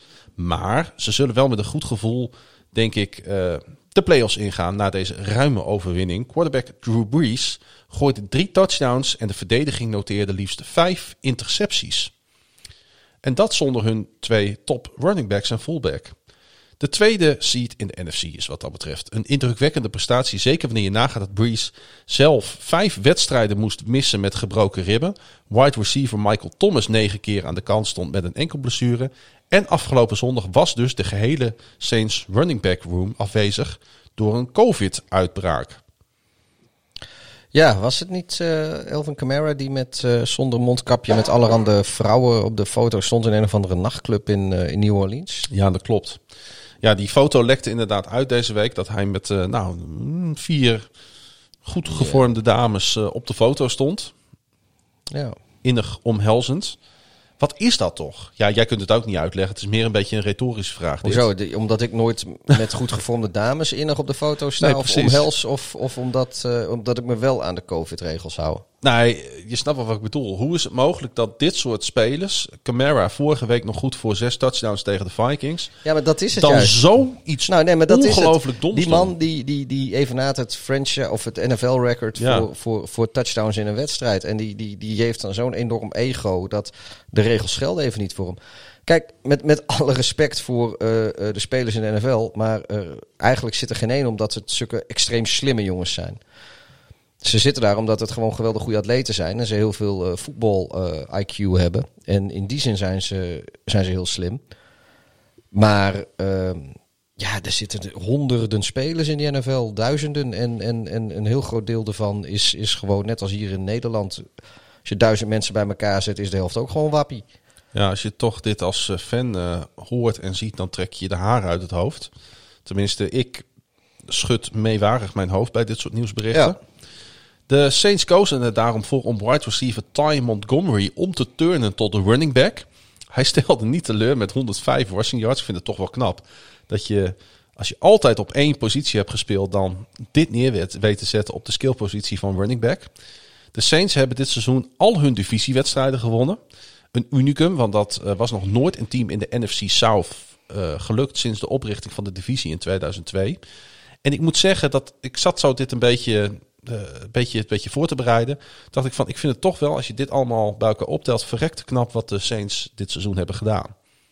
Want ze hebben echt wel tegenslag gehad. Ja, ja, ja. Nee, maar dat. eh, ja, kijk, eigenlijk is het. eh, het is waarschijnlijk Breeze zijn laatste kunstje dit seizoen. En. ehm, Nee. Dat is in ieder geval niet uit te sluiten. Nou, nee, maar als je ook ziet hoe die speelt, eh, dan. Ik denk niet. Ik, ik, hij moet ook eigenlijk een beetje de eer aan zichzelf houden. Want ik denk niet dat. Ik denk dat er volgend jaar nog triester Ik wil het nu niet triest noemen, maar Nee. de decline is echt wel te zien hoor. Ja, daar komt ook nog eens bij dat de Saints, eh, als je het hebt over geld, echt alles erin hebben gepompt wat ze erin kunnen pompen. Ja, Volgend jaar hebben ze toch wel een behoorlijk probleem als het gaat om, om cap space. ja. En eventueel dead money. Dus ehm, het moet dit jaar gebeuren voor Drew Brees en de Saints. Ja, nee, dat, dat, dat is ook zo. En, eh, maar goed, eh, eh, voor, vooralsnog doen ze het ook gewoon. Dat is waar. Dus, eh, dus ja, we gaan het zien. Voor rust zag het er bij de Panthers en hun quarterback Teddy Bridgewater nog wel aardig uit. Maar na de thee ging het van Na kwaad tot erger. Really? Ja, Voor sorry. de mensen die thuis mee bingoen met sportclichés. Daar is hij weer. Na de thee eh, kan er nu ook af. 17 afleveringen hebben we het niet gebruikt. Hier is hij dan, na de thee. Nadat eh, de voormalig Saints quarterback zijn twee, eh, twee intercepties in de red zone, in de endzone gooide, moet ik zeggen. En ehm, ook nog eens twee keer in double coverage. Dat was al een beetje dom. Werd hij gebenched voor PJ Walker. Die, Goede initialen, PJ. Ja, die eh, daarna, ik zou niet, niet te veel van je identiteit prijsgeven. Nee, Die- pyjama. ja, en je, die gast gooide daarna ook nog even drie intercepties. Bridgewater was eh, eerder in de wedstrijd licht geblesseerd geraakt aan zijn enkel, moet ik er wel even bij zeggen. Ja, een grote vraag voor de Panthers is nu natuurlijk of er nog toekomst is voor Teddy B in Charlotte. Nee, Ah, nee, ja, ik, tuurlijk, ik, als, de, de Panthers kunnen niks beters draften. Nou, En- ze, ze hebben natuurlijk een top 10 draft pick eh, komende draft. Ja, ja. Hmm. Ja, weet je, als ze een van die, sowieso een van die vier grote, wat is het? Eh, Trey Lance, Justin Fields, eh, Zach Wilson en natuurlijk Trevor Lawrence. Mhm. Als ze een van die vier zouden kunnen krijgen, dan, dan is het einde verhaal voor Teddy B. Aan de andere kant, ja, ik, ik, Het is wel lastig, hè? weet je, het- ook Teddy Bridgewater is ook heel geen slechte quarterback. En Nee, het is, fit, het is een heel eh. Bridgewater, die, die zet je ook niet zomaar aan de kant. Nee, maar wat, wat, je hebt ook niet zomaar wat weer. En nu, nu zijn, Nee. zijn ze in Carolina eh, bij de Panthers niet in win-now mode. Maar Nee, ik ben wel fan van het talent wat ze op het roster hebben staan. Met name op special team verdediging vond ik het dit jaar af en toe erg goed. Dus er zit wel, zoals dat zo mooi dan heet, die kan ook weer van de bingo kaart af, toekomstmuziek in. goed. Oké. maar goed, Ja, nee. Ja, weet je, ik, ik, ik denk ook... Dat, dat heeft allemaal geen zin om hier over te nee, spreken. wij, wij, wij, vooralsnog kun je gewoon denk ik concluderen dat hij volgend jaar weer eh hij speelt, hij speelt, hij speelt in de NFL eh, volgend Ja, jaar. dat sowieso. En eh, ja, we gaan het zien. We, dit, we, we hebben nog zo lang off-season om, om content te maken. Dalen wij verder af in de NFC. En eh, misschien dat je het vierde kwart van de Seahawks het momentum kunt noemen. Wat het team goed kan gebruiken in de playoffs. Maar dan heb ik wel het idee dat ik er met een positieve bril naar kijk. Want je zou kunnen zeggen dat de eerste drie kwarten tot grote zorgen baren. Het is dat quarterback Russell Wilson veteran wide receiver Tyler Lockett in het vierde kwart twee keer wist te vinden. Terwijl hij in de endzone stond en de verdediging zijn ding deed. Met de overwinning veranderde er overigens trouwens niets aan die uitgangspositie van Seattle. Ja, eh, er was nog een kansje op de eerste seat zelfs voor hun. Maar Ja, zoals... moest, eh, eh, wat was het? Dan moest Green Bay verliezen en, en de Saints en de Seahawks Ook. moesten allebei winnen. nou, we hebben net gerecapt dat dat niet gebeurd is. En dan, dan had, was er een three-way tie en daar... Nee, daar hadden de Saints dan. De, nee, de Seahawks hadden genoeg als Green Bay verloren en ze wonnen zelf. Dat was voor de Seahawks genoeg voor de nummer 1 seed. En de Saints, die hadden alleen maar de... Ah, weet ik ook veel. Maakt ook allemaal niet uit. Nou, ze hadden, nog een, ze hadden een kans. Maakt inderdaad nu ook allemaal niet meer zoveel uit. Ehm, ja, de Seahawks. eh, ik heb het idee dat ze een beetje... Nou, om nou te zeggen naar het einde, einde strompelen, dat gaat me wat te ver. Maar de show is er een beetje uit. Ja, ze zijn verdedigend zijn ze enorm veel beter geworden dan dat ze eh, in het begin van het seizoen waren. Eh, ze krijgen ook heel wat minder punten tegen. Ja. En dat heeft eigenlijk, ja, ik, dat, ik geen idee of het een met het ander samenhangt. Daarvoor zie ik te weinig. eh want het kan natuurlijk ook een beetje te maken hebben met, met hoe je de wedstrijden plant. eh, qua gameplanning. Maar er, er wordt ook maar heel, nou weinig wil ik niet zeggen, maar er wordt ook stukken minder gescoord ineens. Het is, het is niet meer die, die oogsnoep eh, die het was, eh, die, die Seahawks offense. Nee, waar we zo van... eh, Maar ja, De, de defense is niet meer zo tranentrekkend als dat die was. Dus ja, De balans is wel wat, wat meer aanwezig. Dat zou je er ook van kunnen zeggen natuurlijk. Maar ik had op een gegeven moment echt het idee dat de Seahawks het niet meer gingen doen afgelopen weekend. De 49ers die, eh, die hadden er nog wel zin in. En daar hadden de Seahawks het gewoon verrekte lastig mee. ik heb, eh, ik heb deze wedstrijd wel wat van langs zien komen, maar ik heb er weinig van verwerkt. Het, het ging, eh, hij stond tegenover de Bears en tegenover de Cardinals. En Ja. dat was eigenlijk het enige waar ik oog voor had. Dat snap ik ook eh, Dus fa- als fanboy zijnde. Ik, Mhm. eh, ik, heb, ik heb de wedstrijd wel even, de lange samenvatting heb ik even teruggekeken. En dan viel het natuurlijk toch weer op dat de 49ers het in Arizona weer moesten doen met die derde rangs quarterback CJ Beathard. Beathard, Beathard. Is ja, of, of Bad Hurt. Heb je hem al ge- gebeld? Nee, is het Bad Hurt? ba Bad Hurt? Bethard. CJ Beathard, die Ba Hurt. wederom niet onverdienstelijk speelde. Maar hij eiste ook een negatieve hoofdrol voor zichzelf op. Met een fumble laat in het vierde kwart. Wat uiteindelijk leidde tot een touchdown run door Alex Collins, de voormalig Raven. En zo wisten de 49ers geen enkele thuiswedstrijd in Glendale te winnen. Opvallend genoeg was hun enige overwinning in State Farm, eh, State Farm Stadium de uitwedstrijd tegen de Cardinals van vorige week. Vind ik dan toch wel weer grappig. Ja, Dus officieel daar niet thuis gewonnen, maar alleen uit. ja. Eh, San Francisco heeft een volle maand in een hotel in Glendale gezeten. En ik denk dat het hoogste tijd is voor de 49ers om gewoon weer lekker naar huis te gaan. Dat na een maandje, na maandje Glendale wil je denk ik dat ook wel. Ja, in de laatste speelronde wist DK Metcalf nog een eh, bijzonder franchise eh, te breken. Namelijk die voor single season receiving yards. Een record dat 35 jaar lang in handen was van Hall of Famer Steve Largent. Largent noteerde in 1985 1287 yards. En Metcalf eindigde de zondag met 1302 yards. Dus 1287 yards is een franchise record voor de, Dus voor de Seahawks. voor de Seahawks. Ja. Terwijl eh, vriend Justin Jefferson er de 1400 bij elkaar gehakt heeft als rookie. Ja, Oké. dat klopt. 1985 was een goed jaar trouwens voor de NFL. Eh, Washington voetbalteam tegen... moet wel zeggen dat, dat, dat, dat als je naar Wilson kijkt, die heeft de laatste jaar natuurlijk echt meerdere wapens gehad. Ja. Waar de Vikings zich nu echt wel een beetje moesten richten op één wapen. Nou, nee, maar ik bedoel, kijk, het is, eh, je, hebt, je hebt natuurlijk ja, 32 franchises. En, en er zijn inderdaad eh, waarschijnlijk franchises waar, de, waar ze een heel blik receivers open kunnen trekken uit de geschiedenis. Die een eh, die, die receiving records hebben. Die, terwijl een andere organisatie er misschien één heeft die, die daarbij in de buurt komt. En dat hou je altijd. Maar het viel me gewoon even op dat, dat, Nou ja, terechte opmerking. Dat het, ja, 1287. Ja, ik, ik, het is niet weinig, maar het is ook niet bijster veel. Nee. Inderdaad, je zei het al, Washington voetbalteam. En Philly- 13-2 trouwens ook niet voor wat een nieuwe franchise record is. Nee. Zullen we dan toch naar die number 4 seed gaan? Ja, een mooie wedstrijd was dat, man. Washington voetbalteam met Philadelphia Eagles 2014, de Sunday Night Football. En het is echt gebeurd. De Washington voetbalteam zijn divisiekampioen van de NFC East met een losing 7-9 records. Heel knap, heel Ik eh, knap. applaudisseer even. Ik Cynisch op de achtergrond. Ja, en waar iedereen eh, een beetje schamper over de divisie en dus ook eh, over deze divisiekampioen doet, zal het toch speciaal aanvoelen voor met name quarterback Alex Smith en coach Ron Rivera, die tijdens het seizoen zware behandelingen onderging voor huidkanker. Er waren wedstrijden bij dat de coach niet meer op zijn benen kon staan.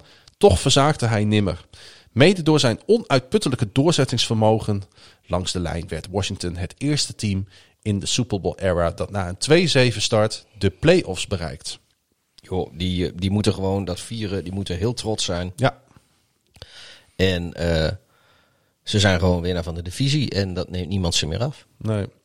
Washington is trouwens ook het derde team in de geschiedenis dat een divisietitel won met een losing record in een seizoen met 16 reguliere wedstrijden. Het was eh, Seattle in 2010, dat weten we allemaal denk ik nog wel. Ja, Carolina. En Carolina in 2014, ehm, ja, zij gingen een voetbalteam voor. En wisten overigens allebei vervolgens hun playoff game niet te winnen. Dat klopt. Ja, Ehm, over ehm, de Eagles en met name de coach van de Eagles, Doug Peterson, kregen we een opmerking binnen van Jeroen Loer. Die zegt, kunnen jullie de Piedonnen van de week niet voor één keer lenen van eh Kon Veel Minder, de podcast... En die dan aan Doc Peterson geven. Grappig voor supporters, maar niet serieus te nemen voor een coach van een NFL-team. behoeft een, eh, een klein, eh, klein stukje toelichting. Want ik denk dat eh, er zijn vast luisteraars eh, van deze podcast die ook naar Kon Veel Minder de podcast luisteren. Maar de meesten doen dat denk ik niet. Kon Veel Minder de podcast is, gaat over FC Groningen. En die hebben een item, dat is de Piet Horner van de week.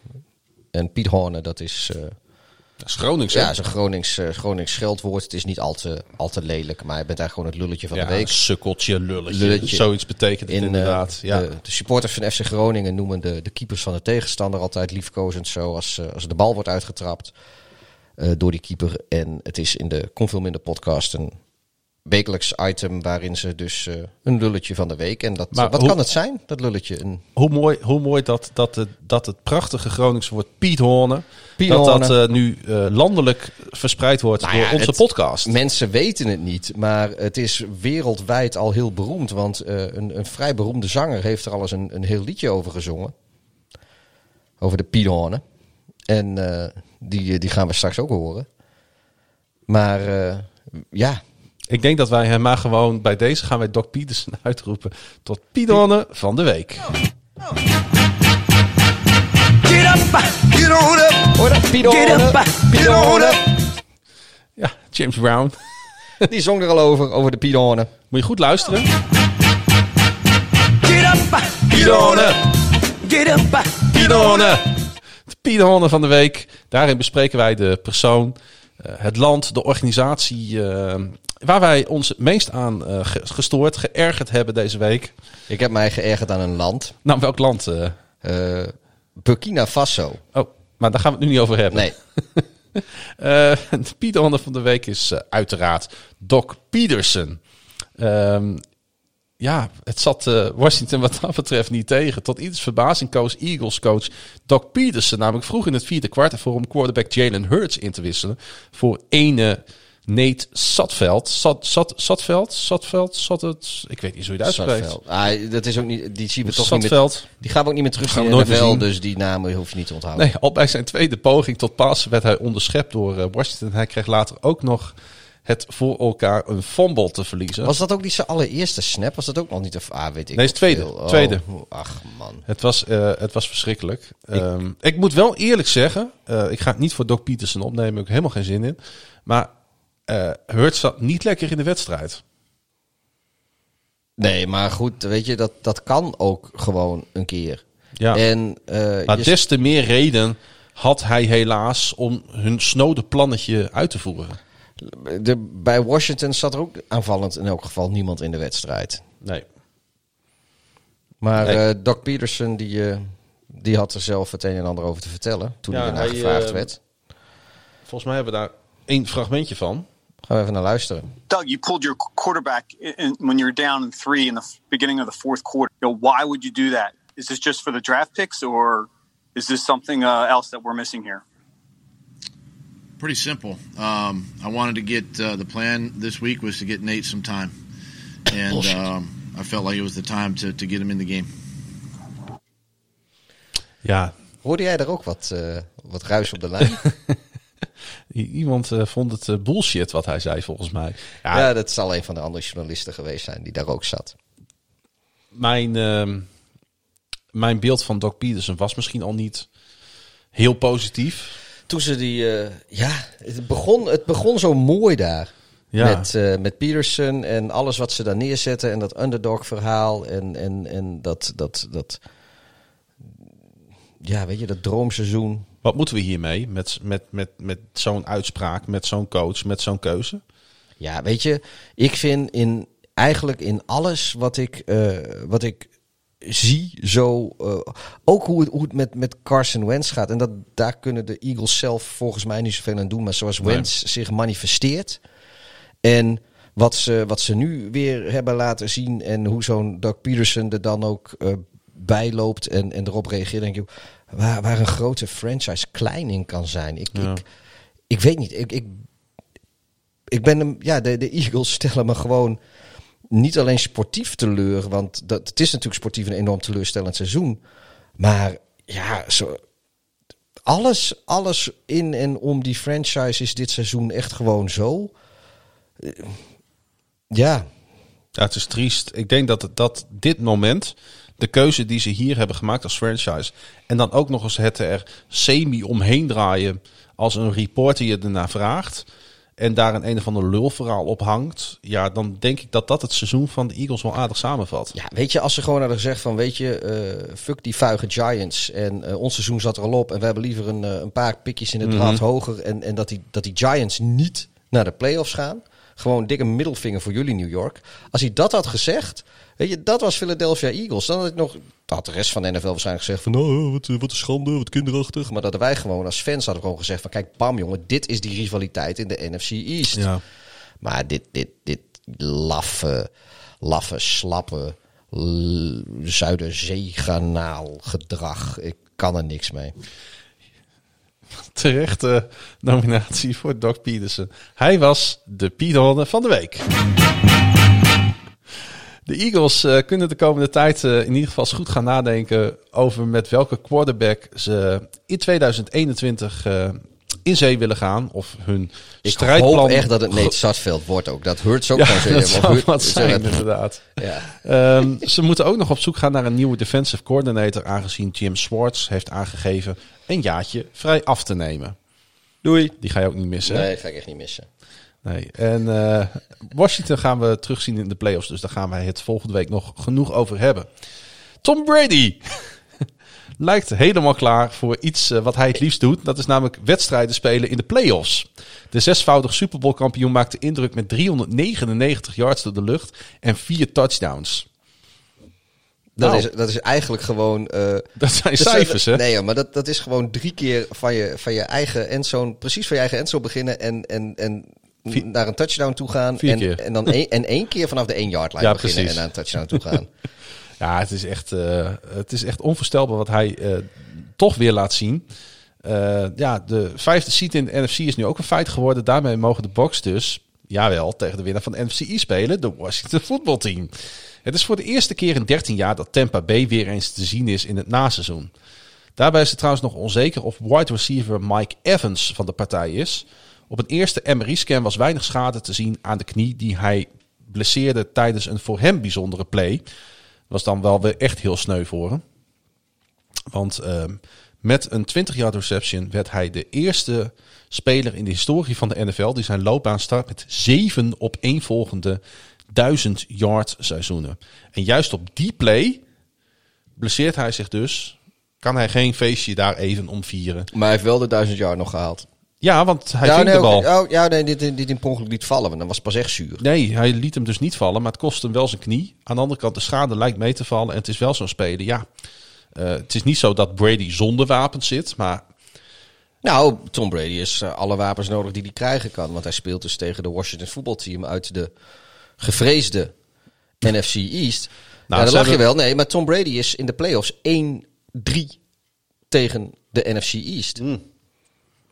Heeft één keer gewonnen van de Eagles. Hij heeft er een keer van verloren. En hij heeft twee keer van de Giants van de Giants verloren. Ja, precies. Dus eh, l- ik denk niet dat er een... eh, ja, die, die Brady die moet alle zeilen bijzetten. Wil die, eh, wil die hier langs kunnen komen. Nou ja, we hoeven er niet al te moeilijk over te doen.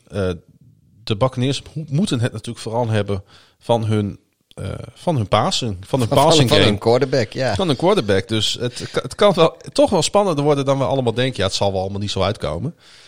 Maar ja, we hopen het er natuurlijk ook een beetje op. Want eh, Washington heeft natuurlijk wel een probleem. Want zij moeten het dan qua aanval weer hebben natuurlijk echt van hun running game. En wie hebben een hele goede running defense? Dat zijn de Tampa Bay Buccaneers. Ja. Dus eigenlijk, ik vind als je de hele matchup bekijkt, dan zijn Tom Brady en de Buccaneers toch echt wel favoriet hoor. Ja, het is alleen, kijk, de, de, de pass rush van de, van de Washington voetbalteam is niet verkeerd. En we hebben gezien ehm, toen, de, toen de Bears tegen de Buccaneers speelden, dat, eh, ja, weet je, die, die Tom Brady die was daar een beetje, een beetje schichtig, werd die, eh, hoe langer eh, die wedstrijd duurde.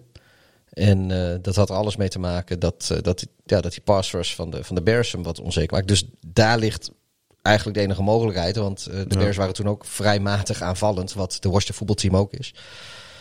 En dat is ook zo. De Tampa Bay Buccaneers en Tom Brady, die hebben eigenlijk al hun wedstrijden tegen playoff teams verloren. Behalve de Green Bay dan, die wonnen ze wel. Maar verder hebben ze twee keer natuurlijk van de Saints. Ze hebben van de Bears verloren. Eh, ze hebben volgens mij, wat de Rams hebben ze volgens mij tegengespeeld, hebben ze van verloren. De, hebben ze ook tegen de Chiefs gespeeld? Vergis ik mij nou? Eh, ja, ik dacht het wel. Nou, ik weet al. we- maar goed, ik weet alleen dat de, de Packers zijn het enige playoff team waar ze van gewonnen hebben. Ja, Dus ja, dat eh, mag hopen voor, eh, voor Tom Brady en de Buccaneers en iedereen die, eh, die zijn warm hart toedraagt. Dat, eh, ja, dat, die- dat, ze, dat ze wel van Washington kunnen winnen. Want vanaf nu komen ze alleen nog maar playoff teams tegen. ik moet zeggen, ik hoop het ook echt wel voor eh, Mike Evans dat hij erbij is. Ik vind het eh, wel heel leuk Ja. om hem een keer in een playoff wedstrijd te zien. Na jaren goed spel bij een team wat er niet toe doet, mag hij eindelijk eens schitteren. Dus ik wens hem bij deze een goed herstel toe deze week. En laten we hopen dat we hem komend weekend in actie zien. Aan de andere kant sloten de Falcons het seizoen af met een misschien wel verwachte nederlaag. Al wisten ze het Tampa Bay drie kwarten lang zeer lastig te Ja, maken. dat- het ging Want wel die uitslag, op. Ja, ja, ja. 27-44, doet niet helemaal recht aan het wedstrijdbeeld. Het was allemaal in het laatste kwart nog. Dat, eh, toen Ja. ging het in in één keer heel hard. En het ging dus weer eens mis helemaal op het eind voor de Atlanta Falcons. Het- je kunt het bijna uittekenen wat dat betreft. Ja, misschien moeten ze ijshockeyregels gaan doen. Gewoon drie, drie periodes van 20 minuten. En, en zodat er geen vierde kwart meer is. Zou Je- dat wat zijn voor Atlanta? Je wordt er toch helemaal gek van, joh. Als je Nee, maar ik, denk dat daar de oplossing ligt voor, uh, voor Ja, de nou, misschien moeten ze maar gewoon een ijsvloer in, de, in die Mercedes-Benz Nou, ik- van ja, nou ja, goed. Dan, nee, dan, dan glijdt uh, Gurley helemaal de, de endzone in als het erop aankomt. maar ik denk dat eh, drie periodes van 20 minuten heb je ook gewoon 60 minuten gespeeld. Maar je hebt geen vierde kwart meer waar je het in kan verneuken. Ik, ik denk dat uh, als, ik, als ik de Atlanta Falcons was, dan schreef ik nu in de, een brief naar, naar de commissioner, naar Goodell. Ik klom in de pen. Het zit er in ieder geval op voor Atlanta. Ik ga maar gewoon door. Atlanta is al met uh, nu nog interim coach Raheem Morris in gesprek geweest over volgend jaar. En naar het schijnt hebben beide partijen de intentie met elkaar door te gaan. De Falcons zullen tijdens offseason ook op zoek moeten naar een general manager. Goed, ja. De, wens ik ze veel succes bij. De Cardinals speelden bij de Los Angeles Rams 7 tegen 18. Het NFL-debuut van uh, John Wolford. Begon, John de Wolford. John de Wolford uh, begon met een, mat in de nek. Begon met een interceptie op zijn eerste paas. Je gezien? heel kleurig, heel kleurig blouseje had hij ook aan zeker. Ja. Het eindigde met een plekje in de playoffs. Zonder afbreuk te doen aan de inspanningen van de voormalig Arizona Hotshot. Jazeker. Dat uitkwam in de Aliens of uh, American Football League. Alliance bedoel Alliance, ik, excuses. Nee. Aliens. Dat komt, die zit in die, ja. in die American Football namen. De, de, de, de ET's. De, precies, de Aliens. de Alliance of American Football League. Was het toch wederom de verdediging van de Rams die verantwoordelijk was voor de overwinning en daarmee de zesde seed in de NFC. Hoogtepunt daarbij was een interceptie van Troy Hill die hij 84 yards terug wist te rennen voor een touchdown. hey, die heb ik, uh, dat fragmentje heb ik gehoord uh, in het begin van de uitzending. Ja, ja, het zat erin hè. Coach Sean McVay werkt nu vier jaar voor de Rams en bereikt met zijn team voor de derde keer het naseizoen. En dat is op zich ook wel weer knap. Ik, uh, ik, en daar ben ik de, de Sean McVay ook heel dankbaar voor. Ja. Het was natuurlijk inderdaad, de fans van de Chicago Bears zaten vol spanning met name naar deze wedstrijd te kijken. Want het werd op een gegeven moment toch wel uh, ja, pijnlijk duidelijk dat er niet gewonnen zou worden van de Green Bay Packers. En ik zei al tegen jou, van, ik zeg laten we nou die wedstrijd van de Rams maar opzetten. Nee, want daar ik, ligt nee, jouw ik, sleutel tot playoffs. Ja, maar die hadden we gewoon op een klein schermpje met, uh, met Redzone. En ik heb zoiets, als ik één keer begin te drinken, dan gaat die gifbeker ook helemaal leeg. En uh, dat hoort er gewoon bij. Ik wil, ja, ik, al die momenten van pijn. Ooit, ooit zijn de rollen omgedraaid. En, mm -hmm. dan, en dan heeft me dat gesterkt. Zonder verliezen weet je niet precies, wat winnen is. Precies. De Rams gaan dus naar de playoffs. De Cardinals hadden uh, van al die teams de meest vervelende zondag. Want met een overwinning was het team van quarterback Kyler Murray verzekerd geweest van playoffs.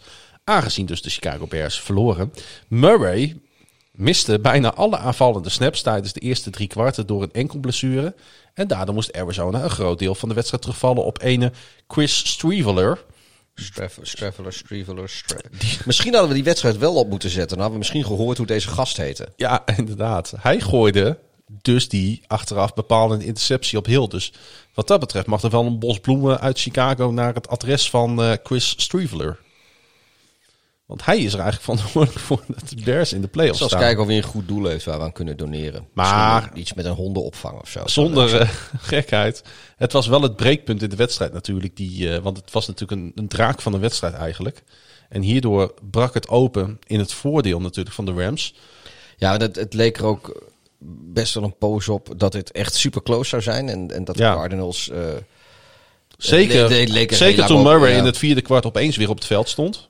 Ja, dat was nog even billen knijpen. Want dat was ook precies het moment dat, uh, dat Rodgers helemaal loezoe ging op, uh, op Precies. Chicago. Want dat bleef ook tot, tot het einde derde kwart, begin vierde kwart, bleef dat binnen één scoren. Ja. En dus nog, nog ja, op papier spannend.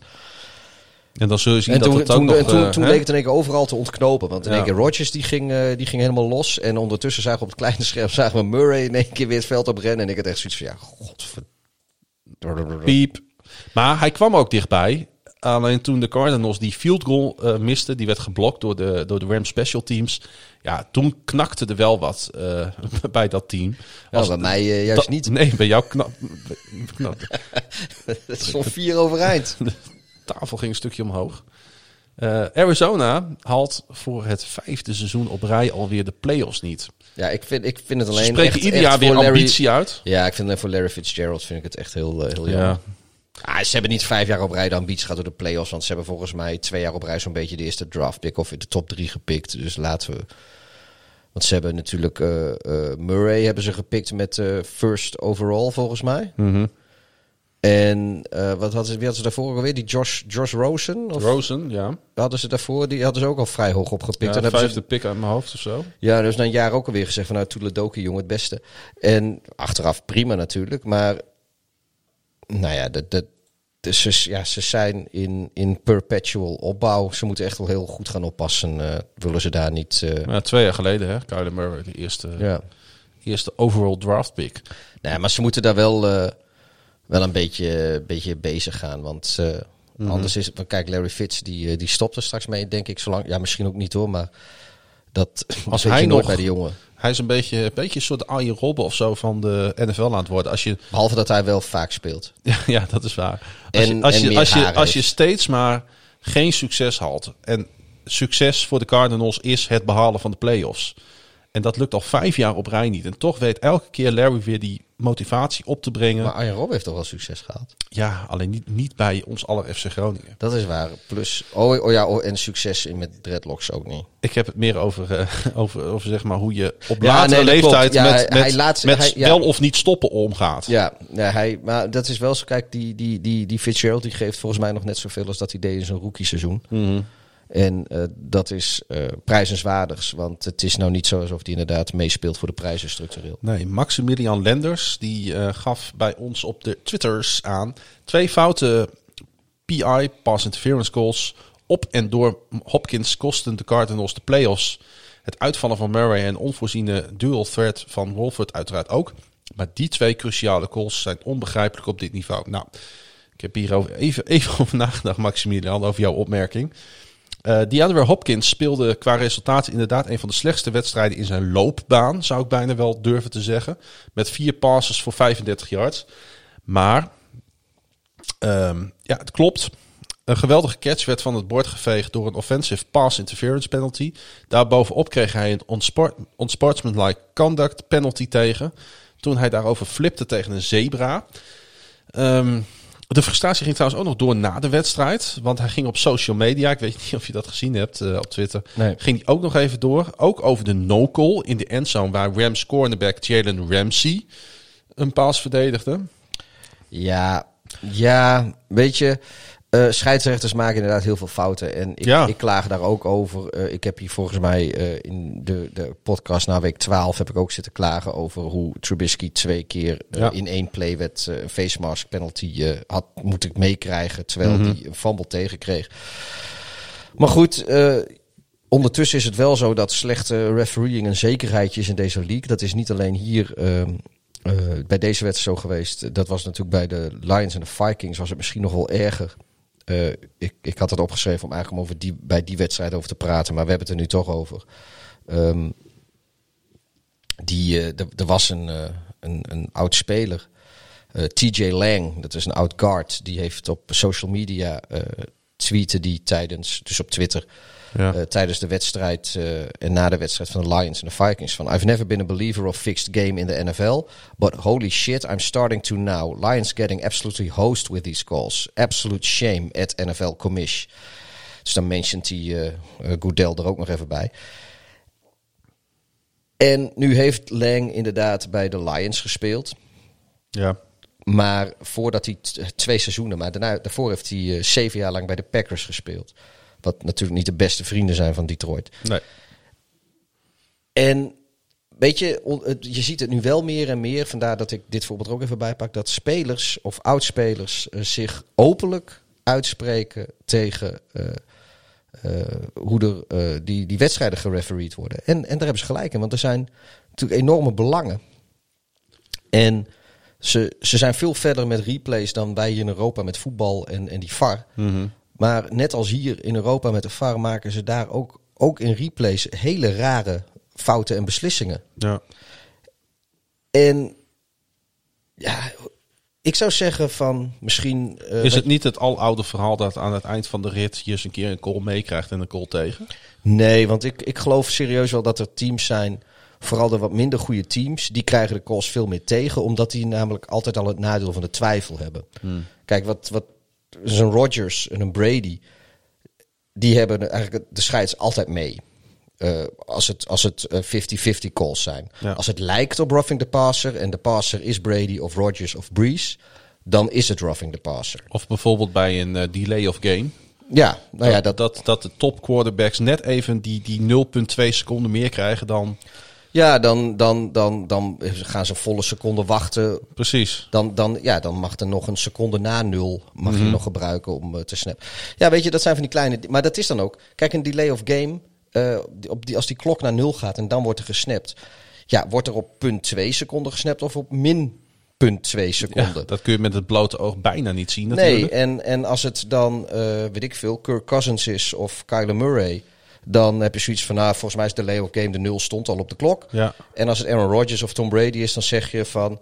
Nou, Ja. die, die zijn zo goed hierin. Zelfs afgelopen dat week heb klopte. ik, heb ik dat volgens mij nog weer een keer gezien eh, bij Aaron Rodgers. Ja, dat, Dat ik dacht, dat wedstrijd. ik dacht, en ik kijk heel objectief naar de Packers-Bears game. Nou, in ieder geval objectiever als ik eh, sowieso. Ja, dat lijkt mij ook. Maar eh, dat ik op een gegeven moment dacht van dit is toch een delay of game. En daar valt dan, ja, verdorie ook nog een touchdown uit. Ja. Dat je denkt, ja, Nu, nu verlies je daar de wedstrijd niet. Maar het is super frustrerend. Want andersom, als je op dezelfde play andersom doet... dan is de kans best dat ze zeggen van ja, vlag, uh, delay. Nou, nou, dat was het natuurlijk voor de Arizona Cardinals ook. En ik snap wat dat betreft, eh, ik weet niet of Maximilian trouwens fan is van de Cardinals. Zou zomaar kunnen. Maar dan is het natuurlijk, als dit in week 17 gebeurt Ja, ja, en ja. playoffs Oh, dat- staan tuurlijk, on nu the zijn- line. Ja, dan, da- als je dan meerdere dubieuze, dubieuze calls en ook no calls Ja, maar in eh, week, hebt. twee, in week twee zijn die calls potentieel net zo duur. Alleen dan duurt het nog 15 weken voordat je ziet hoe duur ze waren. En dan is iedereen het vergeten. Dus dan... Ja. Maar ik, ik zou zeggen, die NFL, joh, dat is een miljardenindustrie. Ja. Dan kun je die scheidsrechter crews, die kun je toch wel gewoon salaris betalen en ze full prof maken. Want het is net als met voetbal. Het zijn, eh, ze krijgen gewoon een, een gage voor de wedstrijden die ze reffen.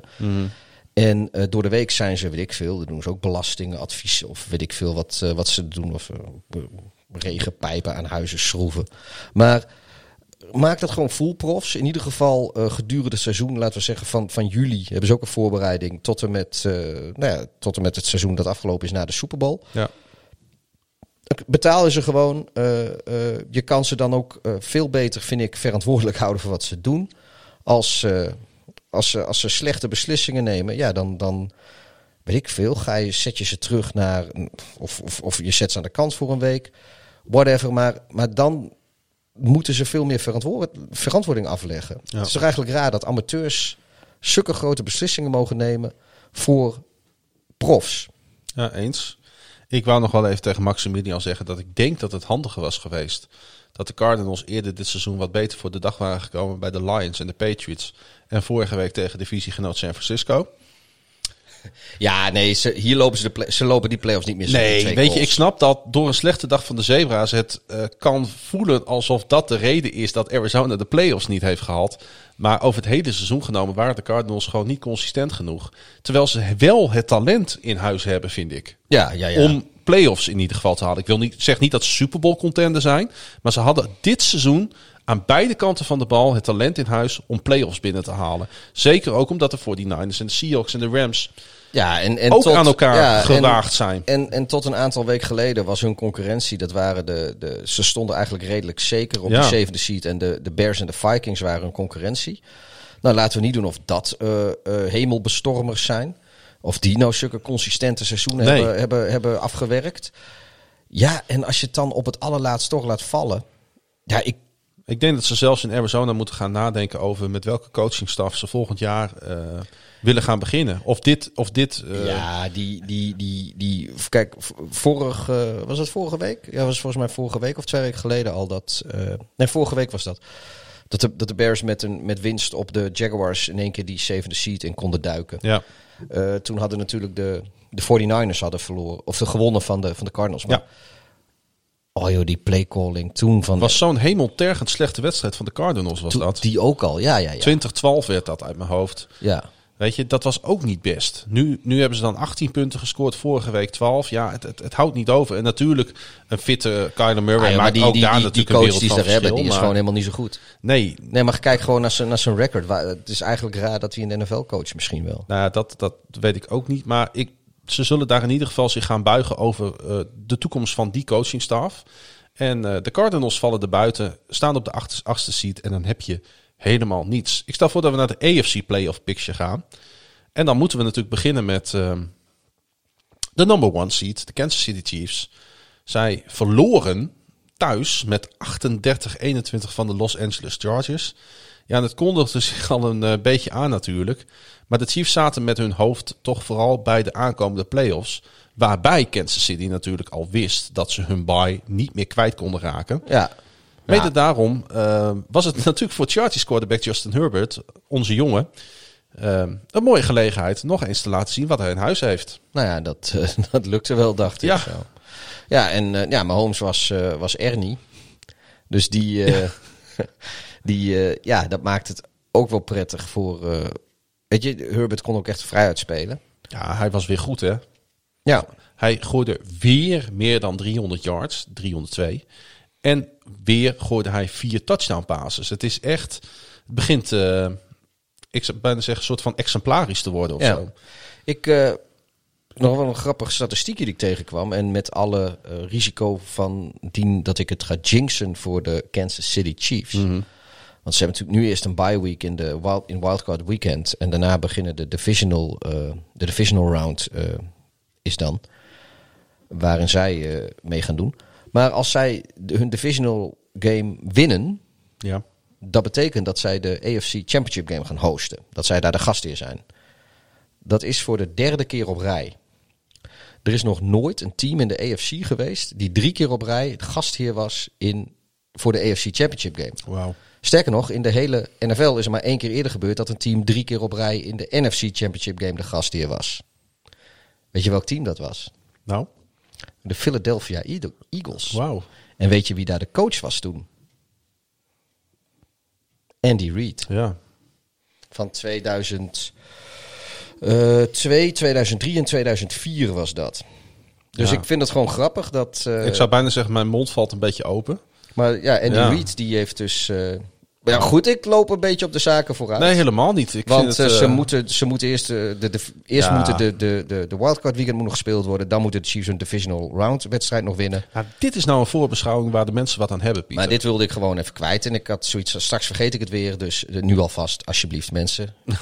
Ondanks dat LA de laatste vier wedstrijden heeft gewonnen, maakt het de Chargers bekend niet door te gaan met coach Anthony Lynn. En Guando, die eh, kwam op Twitter vervolgens gelijk met de vraag richting ons: wat vinden jullie van het ontslag van Lynn?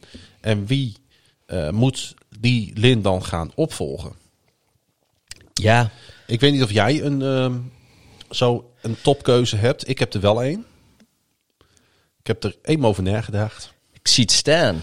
Eh, Brian de Bol. De Bol, de bal, de bol. Brian de Bol is namelijk de offensive coordinator van de Buffalo Bills. En hoe hij aan de gang is gegaan met Allen in Buffalo maakt hem voor mij eh, tot grote favoriet voor deze baan. De Ja, Bills snap ik. eh, offense staat tweede in passing, zevende in total offense en zesde in punten per wedstrijd. En Justin Herbert is nu al een van de leukste quarterbacks om naar te kijken. Maar ik denk dat het voor En de dan heeft nieuwe... hij ook nog talent. En hij heeft talent. Maar ik denk dat als je nieuwe headcoach wordt bij de LA Chargers, dan is het niet alleen zaak om hem tot leukste quarterback te maken, maar vooral een van de beste te maken. En de Bol heeft met de Patriots Super Bowls gewonnen. NCAA Championships bij Alabama.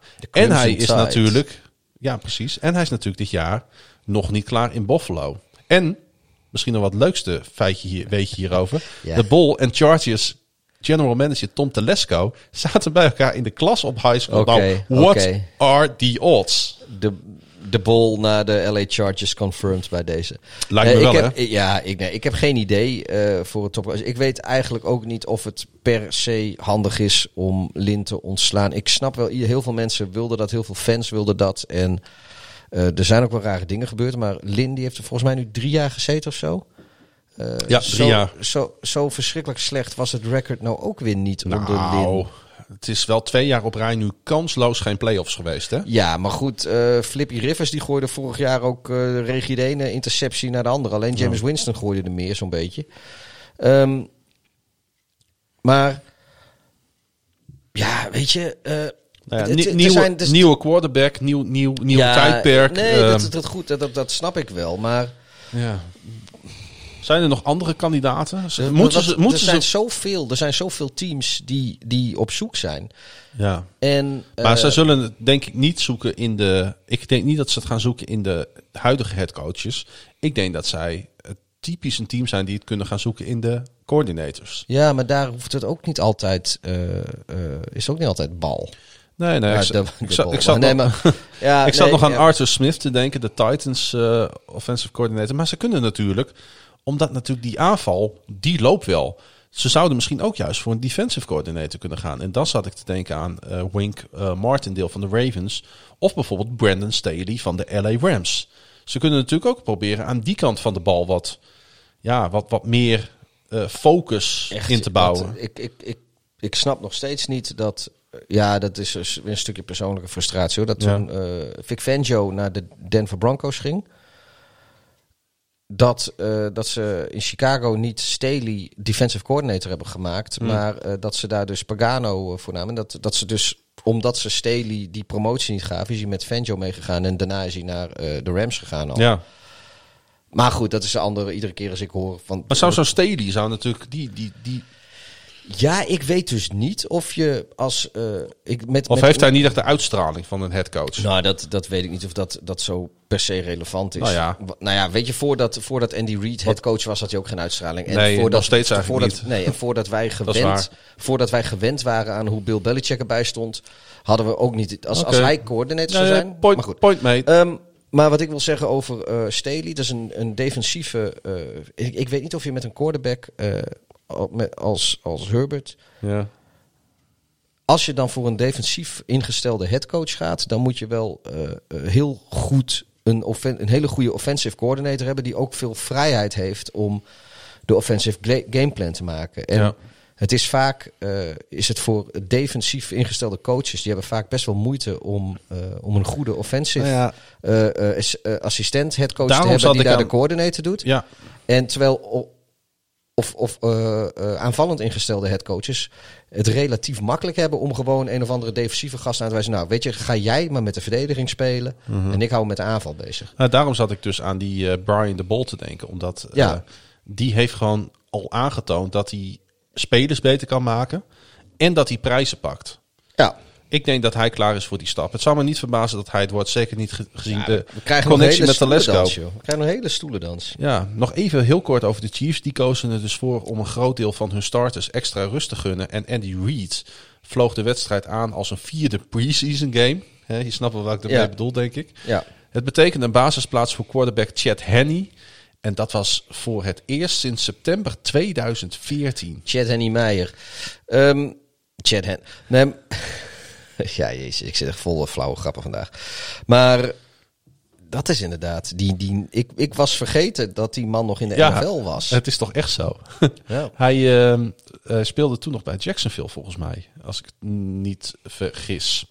Ja, volgens mij Ehm, vroeg in de wedstrijd verbrak, verbrak Herbert overigens het rookie record van Carson Wentz voor completions.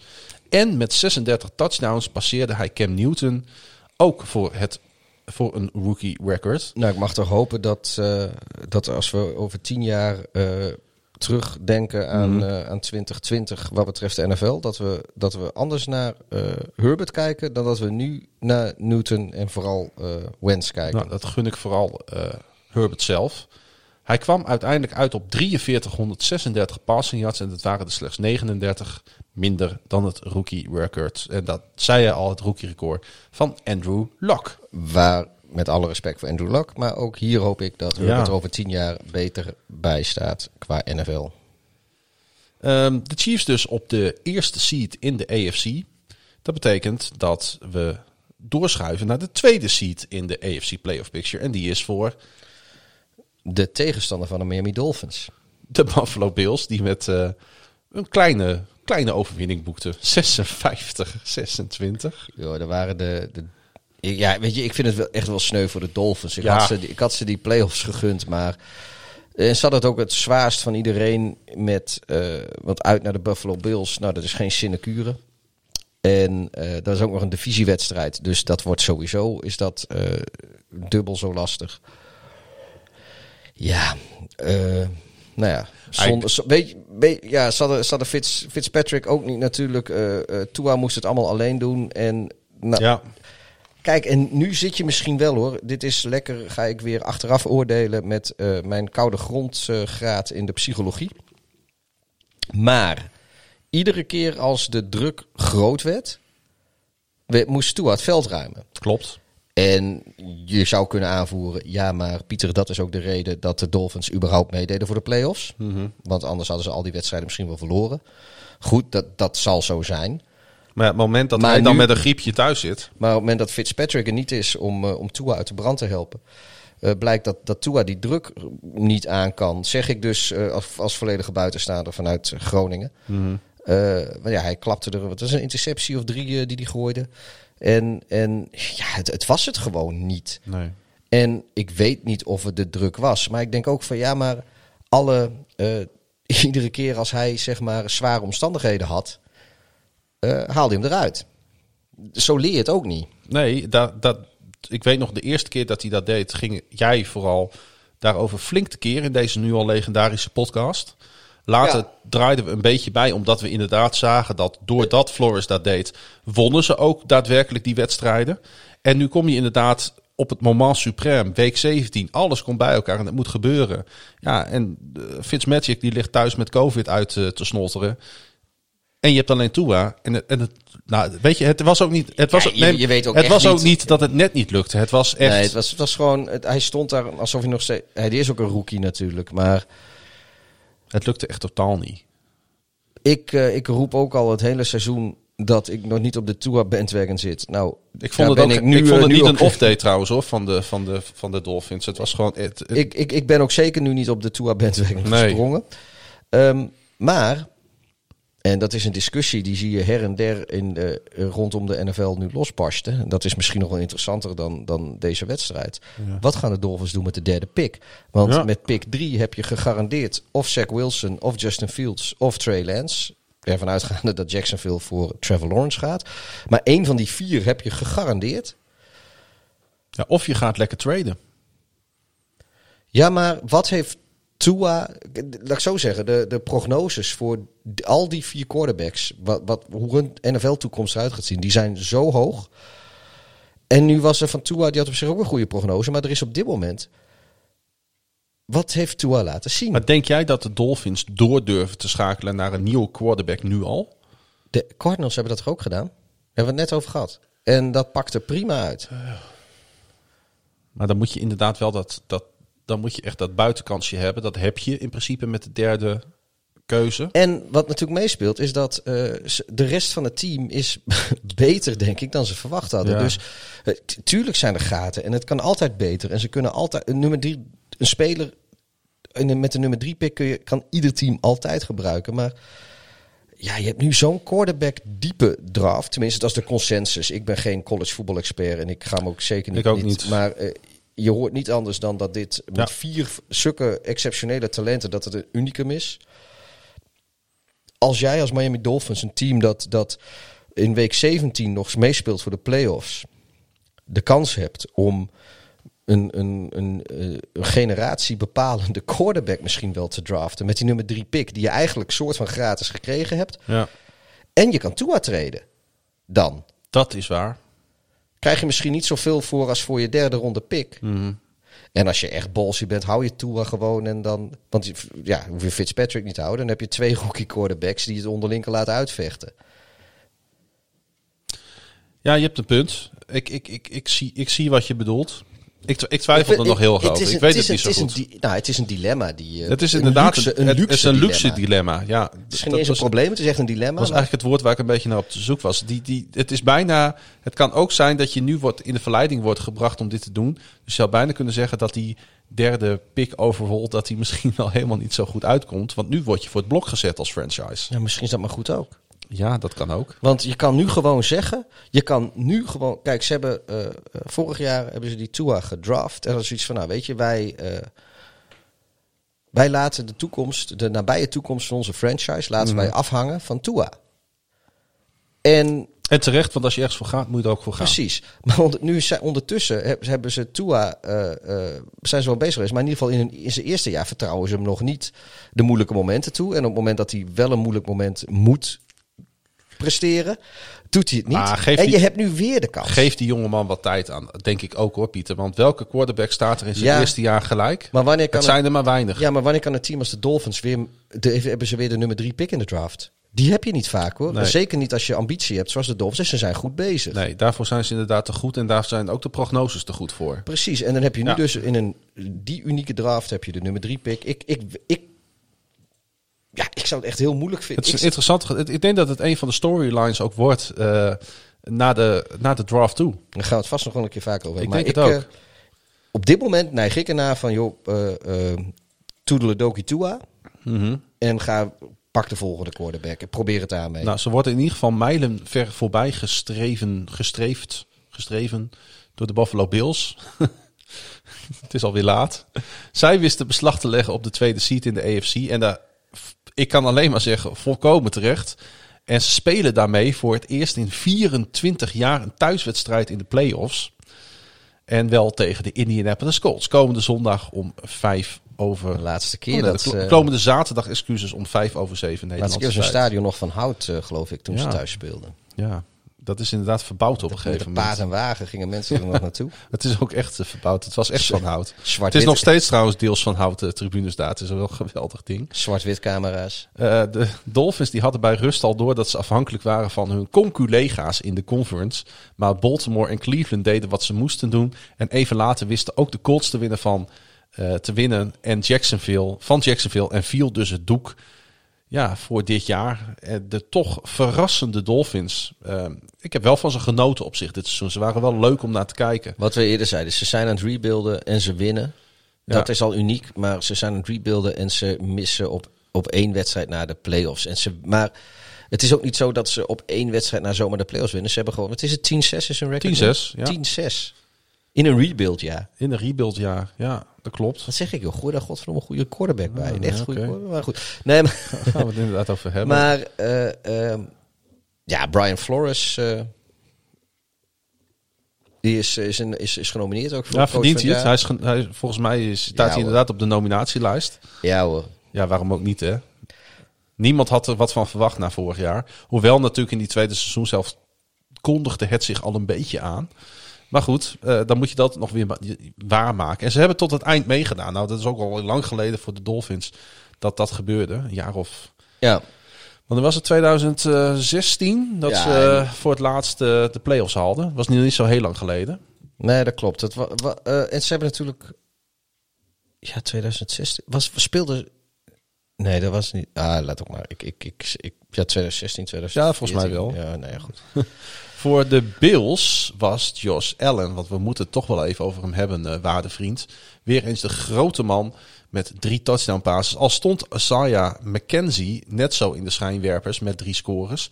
Waaronder die eh 84-yard punt return. De verdediging wist dus ook op het scorebord te komen. Dankzij een pick six van Tua op Josh Norman. Dus eh, als de, de NFL heeft volgens mij geen, eh, geen breakout player of the year. Dat Nee. is zeg maar een speler die er al één of twee jaar is, maar in één keer eh, laat zien hoe goed hij eigenlijk is. Anders Nee. was dat echt wel iets voor Allen geweest. Ja, eh, ik heb hem vorig jaar eh, veel zien spelen. Ik heb hem zelfs een hele wedstrijd live zien spelen in het stadion in Buffalo. Wat deels nog van hout was. Ja, Was je er ook met de paterwagen heen?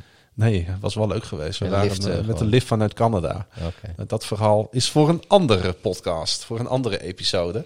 Ehm, toen ging het allemaal, met name door, ehm, door, door, ja, toen ging het allemaal nog erg moeizaam. Ja, daarom. Ik, eh, ik, ik, ik, ik geniet van hem dit jaar. Ik vind het ook echt heel knap wat, eh, wat hij laat zien. Ja. Ehm, Ja, het is gewoon ontzettend goed. Ik, ik, eh, misschien dat de Chiefs ons een beetje in slaap aan het sussen zijn. Of het spreekwoordelijke zand ons in de ogen aan het strooien zijn. Maar als ik nu moest kiezen waar ik het liefst niet naartoe zou gaan in de Buffalo. Dan is dat niet naar Kansas City, maar dan is het inderdaad naar Buffalo. Kun je mij daarin volgen? Ja, ik, ik snap dat. Die, die, die- Buffalo is, is, On is eh, fire. red hot. Zo. Ja, ja, ja. ja.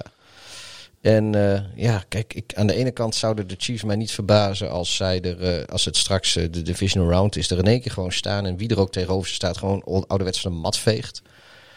Of misschien dan ook wel, weet je, net als vorig jaar tegen de, wat ze tegen de Texans en ook tegen de Titans hadden, dat ze zeg maar na één kwart iets van 20 of 21-0 achter staan en dan zoiets hebben van, nou goed, oké, eh, nu, nu gaan wij spelen. Ja. En eh, dan even 40 punten erop klappen, onbeantwoord in drie kwarten. Dat, eh, dat zou me ook allemaal niet verbazen, maar ik moet het nog zien. En nee, ik kan me heel goed voorstellen als ik de Ravens of eender welk ander eh, AFC playoff team was, dan eh, ja, en ik moest kiezen naar Kansas City of naar Buffalo. Op dit moment, als, als je het dan toch moet ja, kiezen, hoor, ja. doe mij maar Kansas City al. Ja. Dat natuurlijk ook. eh, hey, we gaan naar de wedstrijd tussen de Pittsburgh Steelers en de Cleveland Browns. Een, ja, geen bijster goede wedstrijd. Wel spannend tot het eind. 22-24 in het voordeel van Cleveland. Waardoor dus de Cleveland Browns ehm, De eh, playoffs, de playoffs hebben gehaald. Voor het eerst in lang, 18 Ja, de fans die erbij mochten zijn, maar ook de spelers van de Cleveland Browns, die keken naar de wedstrijd allemaal een beetje met glazige oogjes naar dat grote scorebord van First Energy Stadium. Want was het echt waar? Dat is toch, eh, daar woont eh, Baker Mayfield, woont daar ook gewoon. hè? Ja, die maakt daar ook de toiletten en zo als die lek zijn, dat soort Ja, dingen. die heeft dan zijn boekenclubje. Ja, de Browns, drie seizoenen geleden nog een 0-16 team, staan in de playoffs. En daarmee is de NFL's langste postseason droogte, draft, dra- dra- Drought. drought, drought, Drought. drought, Drought. zoals ze dat noemen in Amerika, voorbij. Ja, Gefeliciteerd Cleveland Browns fans. ja ze, Ik kom er uit de grond van mijn hart dit trouwens. Ja, nee, ik, eh, ik vind het echt leuk voor de, voor de Browns. Ik bedoel, eh, kijk, iedereen die, eh, die, die fan is van een sportteam dat eh, een underdog is, in ieder geval niet een, een, een, een permanente winnaar. Die weet hoe mooi het is als je eh, heel lang wacht op iets en dan eindelijk eens wat wint. Maar er zijn niet veel fans van professionele sportteams die de afgelopen 20 jaar, 25 jaar, zeg maar de afgelopen 20 jaar, de absolute ellende. Of misschien de afgelopen 25 jaar, dus inclusief het vertrek van de originele Browns die naar Baltimore gingen en de Ravens werden. Een paar jaar niks. En toen kwamen deze Browns. En dat is echt een absolute schande van de organisatie, is dat heel lang geweest. Ja. En, en ja, als je daar fan van bent en bent gebleven en je hebt dat allemaal moeten doorstaan. Nou ja, jij, jij bent fan van verschillende sportteams. eh, de Ja. ene wat succesvoller dan de ander. Ik ben ook fan van sportteams. De ene succesvoller dan de andere. Maar de, de ellende die de die Browns-fans hebben moeten doorstaan, dat hebben wij niet, dat hebben wij niet zo meegemaakt. Dus ik- en alleen daarom, kijk, ik, ze zitten niet bij mij in de divisie, dus ik vind het allemaal best, joh. Ik heb daar verder geen ill will of wat dan ook. Ik vind het gewoon schitterend voor ze. Ik gun het ze ook echt. Ik hoop ook dat ze in ieder geval één rondje verder gaan. Hartstikke leuk, maar kan mij die stielen schelen. ja, dat kan ook maar zo eh, tegen deze Steelers natuurlijk. Ja. Dus ik wil eh, graag eh, dat deze prestatie, deze historische prestatie van de Browns, lu- luisteren bijzetten met een, met een biertje. Ja, ik vond... Oh, ja, sorry. Ja, doe maar. Ik- Ik geef jou ook een blik. Ik denk je gaat een eh, dansje doen. Het is veel leuker. Volgens mij is dit ook bier wat, eh, wat eh, de biertopper.nl verkoopt in haar webshop. Dat, dat klopt. Dit is een splinternieuw Gronings, Groningse double IPA. Ja. Een double dry hop New England double IPA. Van Volkingenbroe, Oet staat. Het is echt heel lekker. Je, je hebt wel andere biertjes van ook gehad. En het is echt heel lekker. Ja, het is waanzinnig Het is, bier. eh, het is bier dat, eh, dat in de week tussen kerst en oud en nieuw geblikt is. Het is eh, echt vers nog. Het is binnenkort te krijgen in de webshops van de, in de webshop van de biertopper.nl. Dus wij hebben al een voorproefje gekregen. Wij, wij gaan even voorproeven inderdaad. Je kan dat dan bestellen met bestelcode NFL voor 10% korting. En ehm, nou, als je, zeker als je niet in de buurt van, eh, van Groningen woont of, of onbekend bent met Volkingenbrew, maar je houdt dus wel een beetje van die hazy New England style, eh, die, die hoppige, sappige, natte IPA's.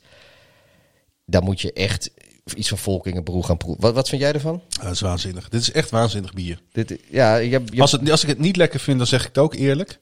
Je had laatst een stout van de biertoppen.nl. Dat was gewoon niet mijn, eh, mijn kopje thee. Maar dit is... Ja, weet je, dit is, dit is gewoon ontzettend lekker. Volkingenbroek is, is, Ja, is echt heel nee, goed. Ja, nee, ik, ik, eh, ik, Volkingenbroek maakt, maakt eh, een aantal bieren per jaar. En die zijn dan tijdelijk te krijgen. En gelukkig eh, zijn het er nu wat meer. Want die, die, die mensen hadden ook een winkel. Die, zijn ze, die hebben ze verkocht. Dus nu hebben ze zich vol toegelegd op het brouwen. En als het goed is, komen nu met iedere maand, iedere zes weken met een nieuwe. Het is altijd dezelfde stijl, maar Ja. het is echt serieus. Het zijn de beste IPA's die, Ze zijn die je in Nederland eh, kan krijgen. gaat er wel eerlijk bij ze zijn niet heel goedkoop. Het zijn biertjes... eh, Vijf, zes euro ja. een blikje of zo. Maar het zijn wel 440 milliliter Dat is waar. blikjes. Ze zijn met zorg gemaakt, gebrouwen, met, lokaal, eh, met lokale liefde en ingrediënten. In een lokale brouwerij. Gewoon naar de precies. Straatweg. Dus het is eh, al de moeite waard om dat zeker keer te proberen. En je krijgt dus een beetje korting als je dat bestelt met onze code NFL bij debiertopper.nl. Ja, en eh, als de mensen van Volkingenbroer luisteren, wij laten ons graag ook door jullie sponsoren. Ja, absoluut. En eh, ook wel niet alleen voor deze podcast. Eh, Jorg Doornbos, eh, ja, die, dat, dat vind ik wel grappig. onze grote vriend. Ja, die, eh, die was onder de indruk van, eh, eh, van Mason Rudolph. Ja, en ik de, heb- de vervanger van, van Ben Roethlisberger. En die gaat zelfs zo ver dat hij zegt van joh, eh, Big Ben die eh, kan gewoon met pensioen gaan met een gerust hart. Mhm. Want eh, met Mason Rudolph hebben de Steelers de opvolger al in huis. Nou, nu wil ik niet zo ver gaan, want ik vind eh, eh, Big Ben persoonlijk een van de meest onderschatte quarterbacks eh, in de league. Want hij, hij wordt vaak wel genoemd bij de betere, maar hij is sneaky en vooral statistisch is hij gewoon echt heel goed. Ja. Maar jij ik, heb weet een essay, alles. ik heb een essay geschreven. Nou ja, jij weet natuurlijk alles van de, van de AFC North en ook van, Nou, van Ben. Ro- nou ja, alles. Maar jij ziet, er, jij ziet veel meer van de Steelers en van Roethlisberger waar. dan ik. Ik wou, maar wat ik eigenlijk eh, wou doen, ik denk ik ga gewoon, want misschien, ik denk misschien heeft deze jongen gelijk. Het zou wel eens kunnen dat de Steelers de opvolger al in huis hebben. En ik heb ook optisch vond ik hem altijd wel vrij redelijk, maar ik ben er vanmiddag eens voor gaan zitten. Ik heb YouTube filmpjes erbij gepakt van Mason Rudolph. Oude YouTube scout. Ja, en ik denk, eh, laat ik eens even gaan kijken wat ik eigenlijk van hem vind. En eh, heel kort samengevat, ik vind Rudolph geen slechte quarterback, maar hij komt op een aantal essentiële gebieden tekort. Eén, pocket awareness. Dit is al zijn hele loopbaan een issue. Hij heeft niet goed door hoeveel tijd hij heeft. Resultaat hiervan waren een te hoog aantal vreselijke passes. Eén resulterend in een interceptie in de tweede helft, die de Steelers eigenlijk de wedstrijd heeft gekost. Twee, mobiliteit. Heeft hij niet tot nauwelijks. Wat je gelijk terugziet als je naar wedstrijden met hem kijkt. Ik heb zijn 40-yard dash op de NFL Combine erbij gepakt. En spelers als Brandon Whedon, Curtis Painter, Matt Ryan en zelfs Joe Flacco waren sneller. Hij is domweg beroerd slecht met zijn benen. Tegen Cleveland was hij een sitting duck wanneer de pocket uit elkaar viel. En zonder benen om te ontsnappen zijn dan een sack of een beroerde paas de enige twee opties. Een quarterback anno 2020 moet ook kunnen lopen. En eh, ja, ze hoeven natuurlijk niet allemaal een Lamar Jackson of een Kyler Murray te zijn. Maar wanneer je een play kunt verlengen en genoeg tijd kan creëren om een play downfield te maken, dan is een noodzakelijke dan is dat toch die mobiliteit een noodzakelijke pre in de NFL. Drie. Dan is er nog zoiets als snelheid in het maken van keuzes. En daarin ehm, is hij op zijn best, nou ik zou zeggen gemiddeld. Rudolph heeft moeite om de diepe bal snel genoeg te spelen. En is, du- is dus op de diepe routes niet effectief genoeg.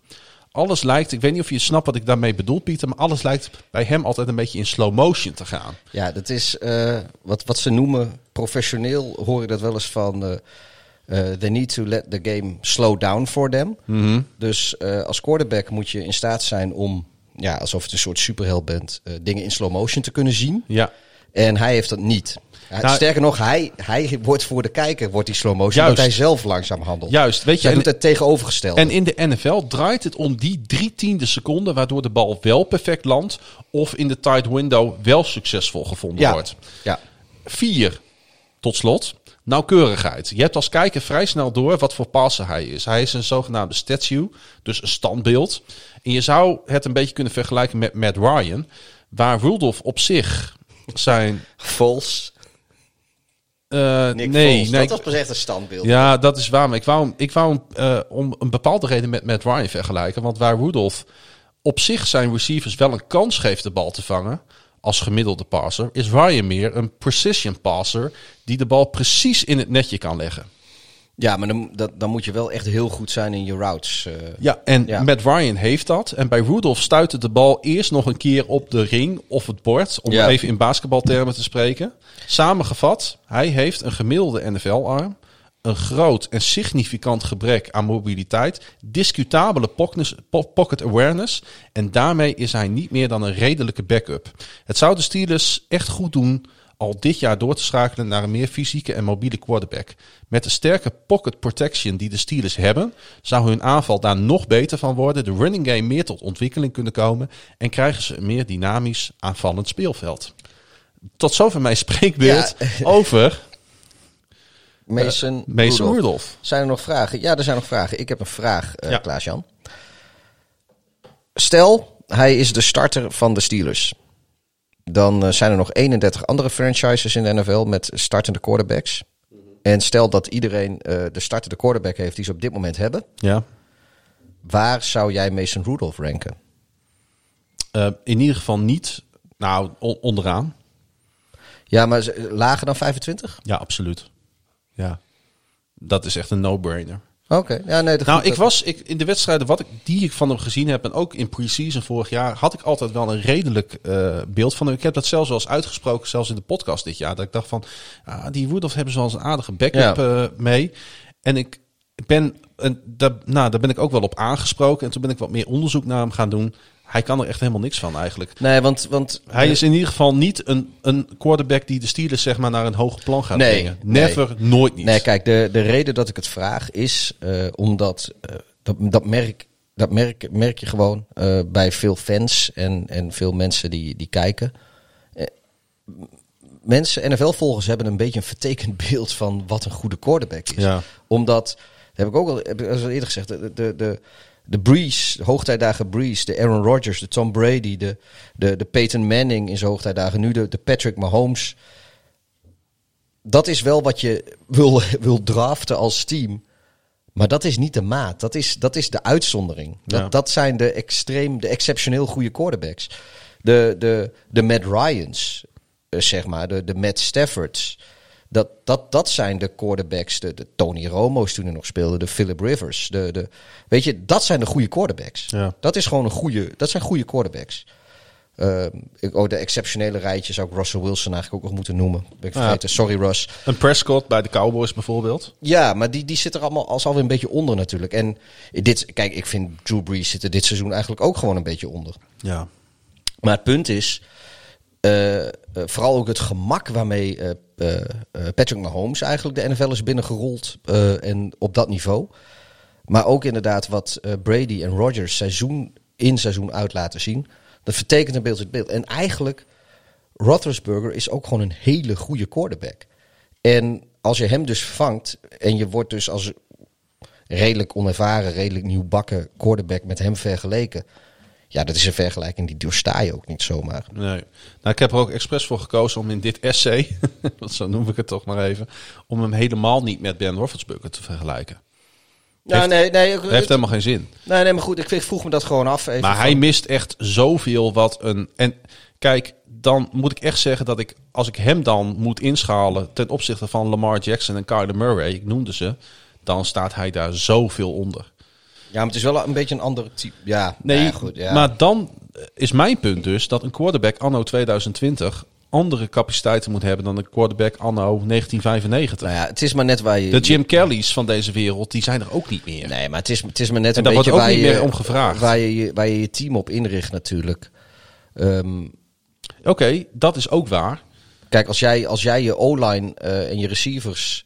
En, je, en dus ook je hele gameplan en je routes, want je plays, alles wordt ontworpen voor een pocket passer. Nee, hij past ook Dan wel. kan dat. Hij past ook wel redelijk goed in de scheme van de, van de, van de Steelers. Nee, maar ik bedoel, kijk, kijk eh, Kyler Murray en Lamar Jackson zijn identiek, wil ik niet noemen, maar dat zijn redelijk eh, qua, ja, qua eh, speelstijl. John Harbaugh die heeft in een half jaar tijd heeft hij het playbook aangepast van Joe Flacco naar Lamar Ja, nee, Jackson. dat- dus het dat- kan nee, wel. Nee, dat klopt. Alleen, eh, eh, op, nu zijn ze er ook bezig om, om dat hele team daarop, die speelstijl. van- Kijk, als jij, een, een, als jij de, als backup van Lamar Jackson een pocket passer gaat zetten. En Lamar Jackson valt een keer uit. Ja. Dan wordt het heel lastig. Daarom hebben de Ravens dat ook niet. En daarom speelt Rudolph bij de Steelers. Ja, Achter Big Ben. Nou, ik, ik, Nee, ja. ik ben gewoon tot de conclusie gekomen om even antwoord te geven op de vraag van Jorg Doornbos. we al tien minuten mee bezig waren. Nou ja, dat hij gewoon dus niet goed genoeg is. Nee, ik, ik denk wel dat je gelijk hebt trouwens. hoor. Het is... eh, eh, En met name op die vier bepalende punten: pocket awareness, mobiliteit, eh, snelheid in het maken van keuzes en nauwkeurigheid. Komt hij alle vier zoveel tekort Ja. dat, hij, dat hij het niet kan doen voor een team als de Steelers. Die Hij- elk precies. jaar de lat heel hoog leggen. precies, kijk... En dat ziet Tomlin ook wel. Mike Tomlin die zit daar sinds, weet ik veel, ergens halverwege jaren 2000. Weet ik, die, die zit een jaar of 15, 16, 17, 18, weet ik veel. Maar die heeft nog nooit een losing season gehad. Nee. 8-8 is het slechtste wat hij gehad heeft. En die weten ook wel dat... eh, kijk, misschien, misschien is het Rudolph wel in de top 32. Zeg maar dus, bij, dus dat hij een, een Ja, dat top vraag, 32... Dat vraag ik mij dus zelfs af, Nou, af maar goed. Maar ook al zou dat zo zijn, Ja. als hij eh, de top 32, dan zou je dus goed genoeg zijn om startende quarterback te zijn in de NFL. Maar als jij, als jij niet bij de eerste, nou, niet bij de eerste 20 zit, Mhm. dan ben je een, een, een, een, een tussenpaus, een noodverband, een doekje bij elke franchise. Dat zou zo moeten zijn. Ja. En, want jij, jij speelt dan wel, maar dat is gewoon omdat jouw team op, dit, op dat moment niemand beter heeft. Maar ze zijn wel aan het zoeken om jou te vervangen. Ja, dus Mason Rudolph is een, inderdaad een backup of een tussenpaus. Nou, nog even terug naar de wedstrijd. Spannend maakte de Browns het wel. Tegen een Steelers team dat er dus voor had gekozen veel starters waaronder Big Ben rust te geven. Cleveland kwam in het vierde kwart nog bijna, eh, eh, gaf nog bijna een voorsprong van 15 punten weg. Maar wist op het juiste moment een two-point conversion poging van Pittsburgh te stoppen. En daarna een kolderieke onside kick te recoveren. was een beetje de equivalent van de bad fumble, maar dan de bad onside kick recovery.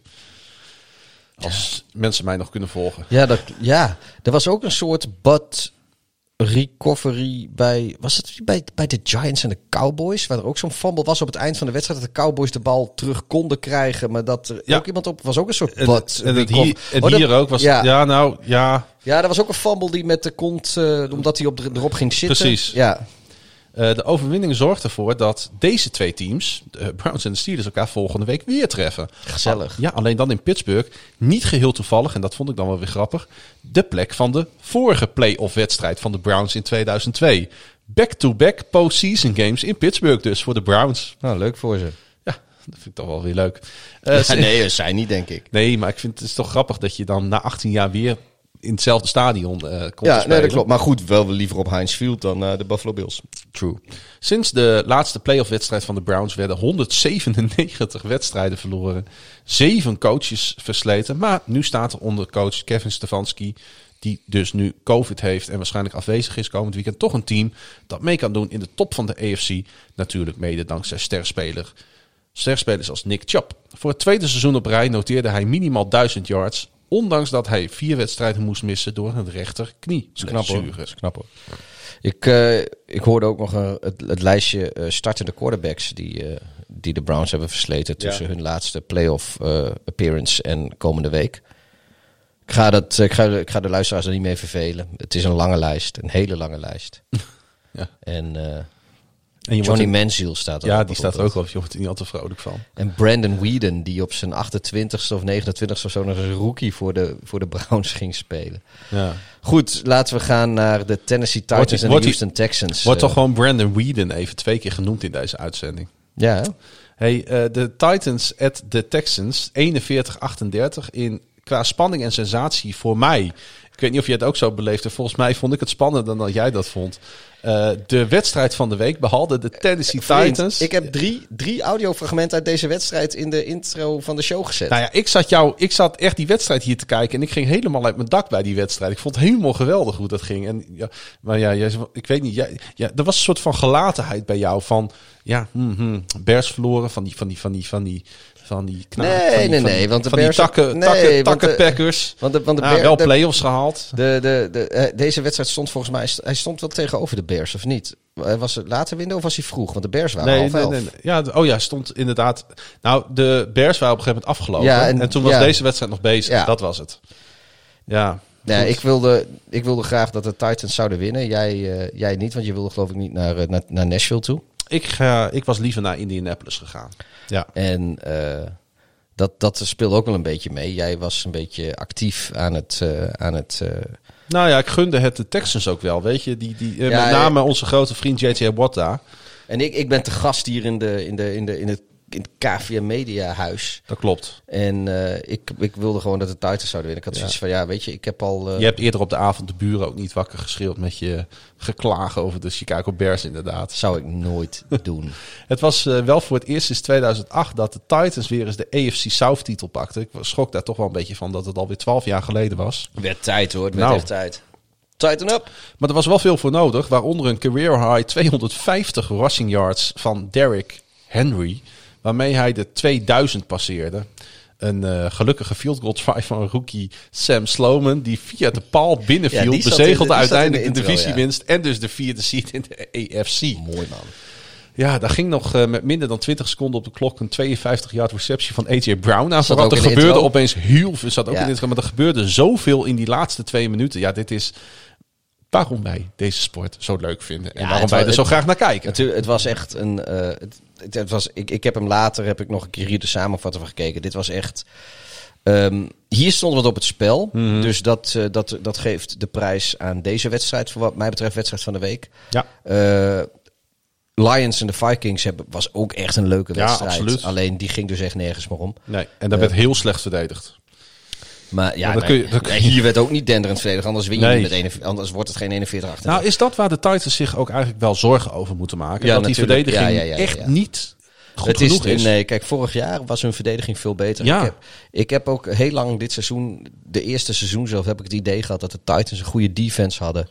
Dus ik, eh, ik had zoiets van, nou, dat, dat kan wel heel gevaarlijk worden. Maar de Titans defense is dit seizoen niet zo goed. En eh, kijk, we weten, vooral jij, maar iedereen weet nog hoe het vorig jaar ging tussen de Titans en de, en de Ravens. En dat had er enerzijds mee te maken met dat de Titans gewoon echt een hele goede defense hadden. Ja. En de Ravens eh, vorig jaar best wel eendimensionaal waren. Eh waren wel verschillende spelers die het trucje konden, maar uiteindelijk was het relatief eendimensionaal. En het andere ding was dat de Ravens toen voorbij de Titans keken. Die waren al bezig met, eh, De met, volgende eh, met, de, wedstrijd. met, de, met, de, met de AFC Championship game. Ja. Want eh, ze kwamen natuurlijk in de divisional round pas eh, naar Nashville. Of speelden ze tegen de Titans in, in Baltimore. Mhm.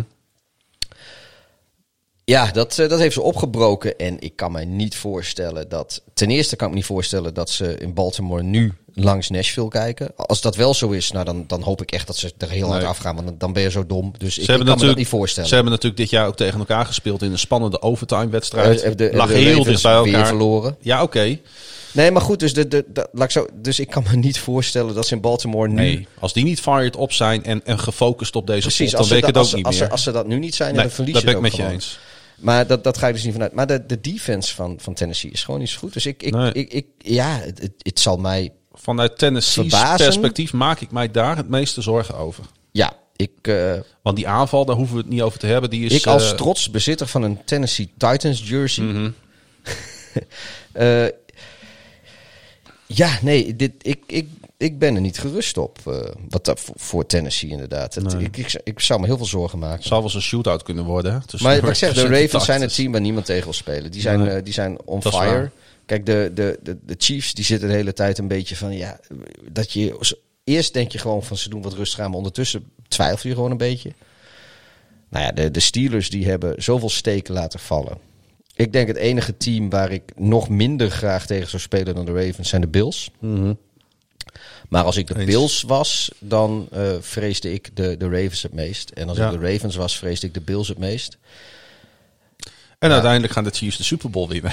Zie je, zult het zien. Hè? Waarschijnlijk wel. En, en, en het zou me niet verbazen als de AFC Championship game misschien dan weer toch tussen de Titans en de Chiefs gaat of zo. Weer. Ja, Dat het, zou het kan allemaal zomaar. De Texans maakten er in ieder geval een zeer spannende aangelegenheid van in eigen stadion. Wellicht voelden de spelers zich aangetrokken tot de speech van J.J. Watt. Eh, vorige week, waarin hij zich niet kon vinden in de instelling Ja, van een hebben- aanzienlijk deel van zijn teamgenoten. Ik denk dat ze geluisterd hebben naar onze podcast. Dat kan bijna niet anders. En omdat de Texans hun laatste wedstrijd gespeeld hebben. En omdat we toch wel een klein beetje sneu vinden voor J.J. Watt en quarterback Deshaun Watson. Hebben wij besloten tot het volgende.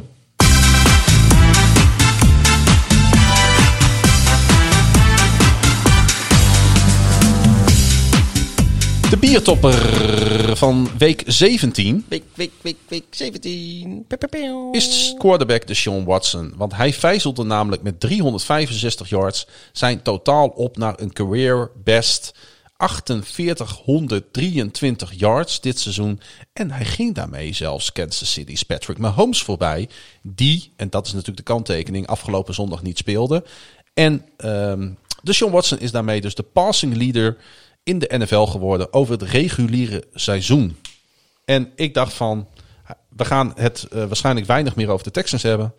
Laten we de Sean Watson eens in het zonnetje zetten. Want als je voor zo'n knaken franchise moet spelen en zo'n prestatie neerzet, dan heb je het verdiend. Nou ja, luister. Als jij de, de passing leader wordt in een NFL-seizoen... dan is biertopper van de week ook wel zo'n beetje het hoogst haalbare qua prijs waar je nog Ja. voor spelen kan. Want ik heb begrepen dat je daar weinig aan hebt, hè? Ja, toevallig eh, volledig los van, eh, van dit, eh, van het biertopperverhaal, Mhm. maar wel leuk aansluitend. De passing leader, de, de, de, de regular season passing leader in de NFL is 0,55 tegenover de Super Bowl. Dus dat betekent dat de passing leader over het reguliere seizoen in 55 jaar nooit Super Bowl kampioen is geworden. Nee, nee. De quarterback die de Super Bowl won was nooit de passing leader. Ik, ik ga niet alles noemen, maar Nee. eh, dit jaar dus eh, 2020 was het Deshaun Watson. Nou, die zit niet eens in de playoffs. Vorig jaar was het eh, Jameis Winston. Eh, zat ook niet in de playoffs. 5109 yards trouwens, hoor. Ja, jemig. Kinderachtig. 2018 was het Ben Roethlisberger met 5129 yards. En die miste ook de playoffs. Tom Brady in 2017 won de Super Bowl van eh, de door ons zo eh, charmant gevonden Philadelphia Eagles. Mij was dat. Oh ja, die, sorry, hebben die verloren. Maar hij was wel de passing leader in het eh, reguliere seizoen. Nou, Drew Brees die heeft het, weet ik hoe vaak gehaald. Ben Roethlisberger nog een paar keer. Peyton Manning. Maar ja, nooit, nooit, eh, nooit de Super Bowl. En de, ik zal voor de volledigheid even teruggaan naar 1966. De eerste passing leader die de playoffs miste, dat was Joe Namath namens de New York Jets. Jets, ja, de beruchte, beroemde Jets-legende. Ja, Moeten, we- moeten we het nog even over J.J. Watt hebben? ga je gang? Nou ja, heeft hij zijn laatste wedstrijd voor de Texans gespeeld? Is natuurlijk de grote vraag. Hij heeft nog een contract voor één jaar, maar heeft al gezegd geen onderdeel te willen zijn van een rebuilding team. En is overduidelijk dus op zoek naar een trade tijdens het aankomende offseason. Mocht Watt wel in Houston blijven, dan is dat ook nog eens onder een nieuwe coach en een general manager. Kijk, eh, eh, op, samen met, met Watson is, is Watt de meest waardevolle asset die ze hebben in, eh, in Houston. Watson is jong, die willen ze houden. Neem ik aan. Want Ja, Ja, kijk, het is niet dat zij die, eh, die derde overall pick in de draft zelf hebben.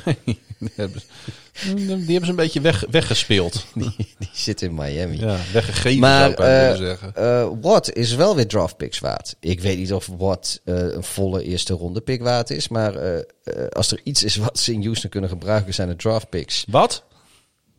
Ja, toen maar. Sorry. Draft picks, ja. En wat vertegenwoordigt draft picks? Ja. Wat? Vertegenwoordigt draft picks. En eh, dus ja, Nou, in wat die zin... is eh, het antwoord daarop? Watt is een, eh, is een eenheid van vermogen. Ook dat. Maar, nee goed. ja, dus ik, ik, ik denk ook dat het klaar is. Als hij zelf Er moet toch ergens een te- team zijn dat er goed voor staat. Die denkt van, ach, we gaan onze eerste ronde pick gewoon een keer weggeven. En dan gaan we nog een jaar eh, leunen op uh, JJ Ik Watt. weet niet of... Wa- Watt heeft ook een contract. Hè. Die verdient ook knaken. En volgens mij serieuze knaken ook. Ja, tuurlijk. Dus eh, ik weet niet eens of hij met één jaar op zijn contract... eh, en, en, en zijn uh, blessuregeschiedenis... Of misschien niet helemaal... Als ik nou een, zei- lage, een lage eerste ronde pick, weet ik. Misschien een lage tweede ronde pick. Ja. Of een hoge eerste ronde. Het weet je, zou pas echt grappig zijn als, eh, als Miami gewoon zegt van, joh, ik heb, ik heb nog een tweede en een derde ronde pick voor je, jongen. Mogen wij JJ Watt? Dat Of, zou dat, echt- of dat ze die ene derde eh, overall pick gaan weggeven voor JJ Watt. Dat zou natuurlijk helemaal hilarisch zijn. Ja, maar dat zou ik niet doen. Maar eh Tua in een derde ronde voor wat? Hij, Maar- hij, hij is fysiek. eh, is hij, is hij, ja... Ja, weet je, een win-now team kan er wat me- aan hebben. Maakt me wel een beetje zorgen over hem hoor.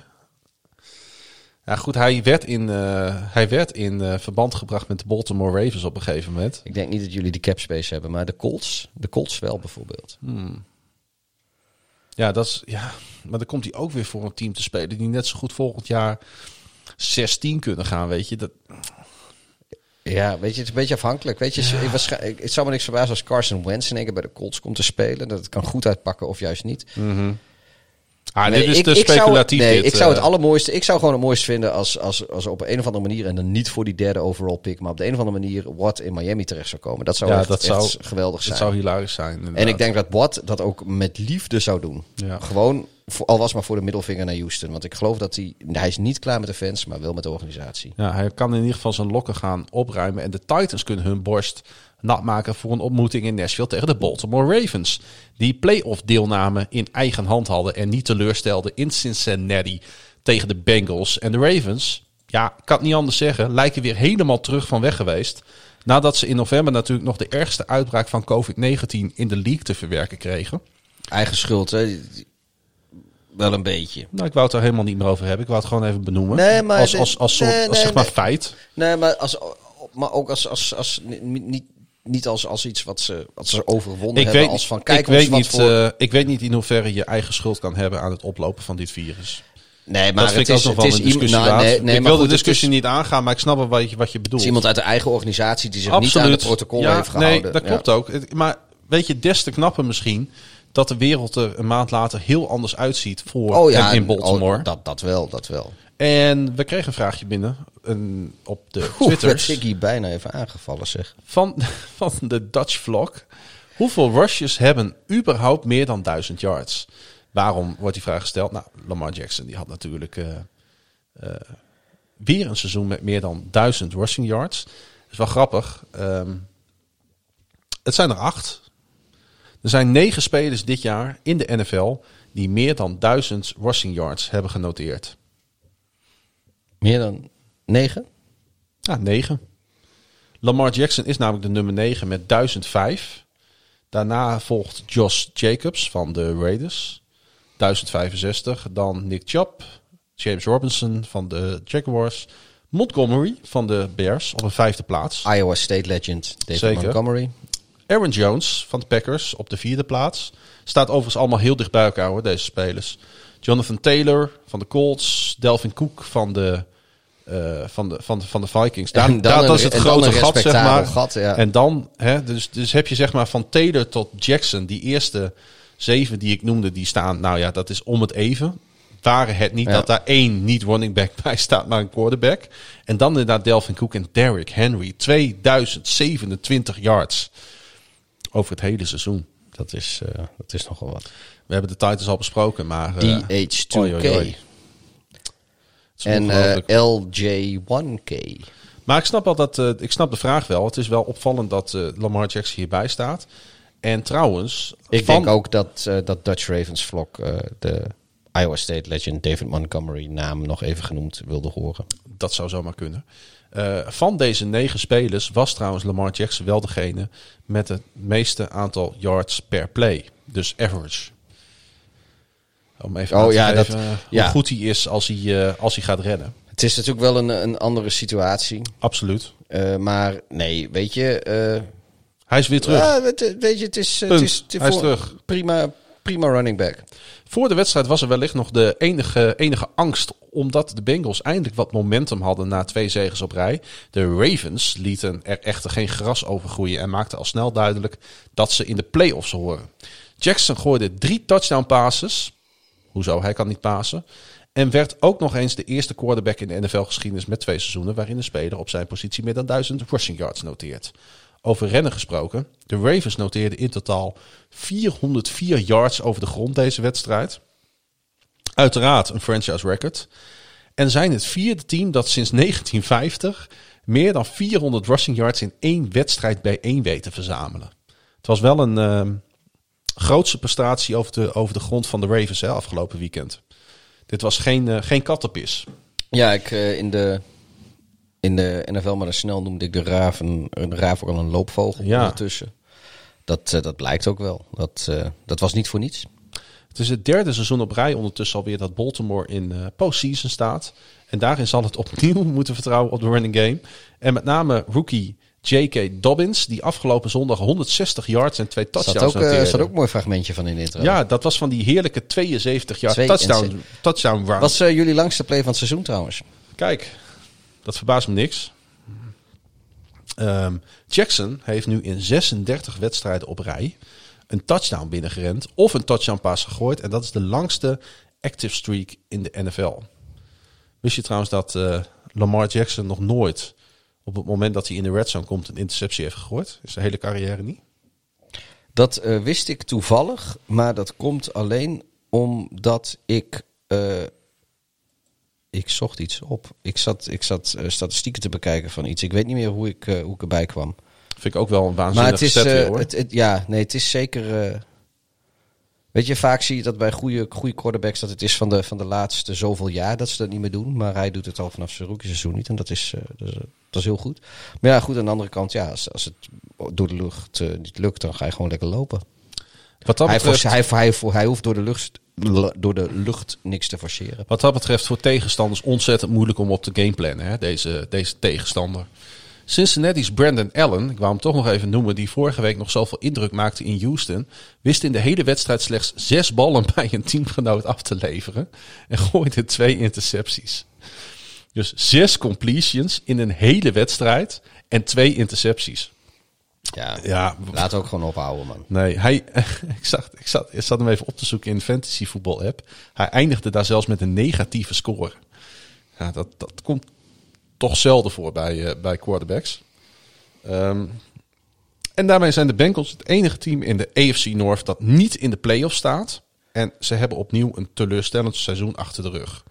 Coach Zack Taylor wist in twee volledige seizoenen van de 32 wedstrijden slechts zes om te zetten in winst.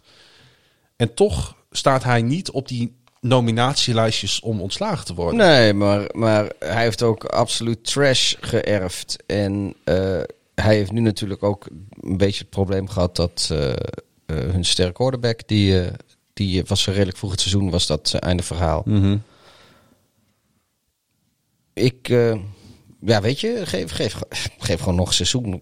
Je, het, ja, ik, ik zou het niet eerlijk vinden om nu te, nu te ontslaan. Hij heeft, Nee. echt een heel slecht roster. eh, Gaan ze ook niet doen. En de Bengals staan er ook niet onbekend, hè? Dat is geen organisatie die heel Nee, snel... die hebben Marvin Lewis hebben ze ook 40 jaar in dienst nou, gehouden. precies. Maar, weet je, aan de andere kant, daar kun je wel eh, grapjes over maken.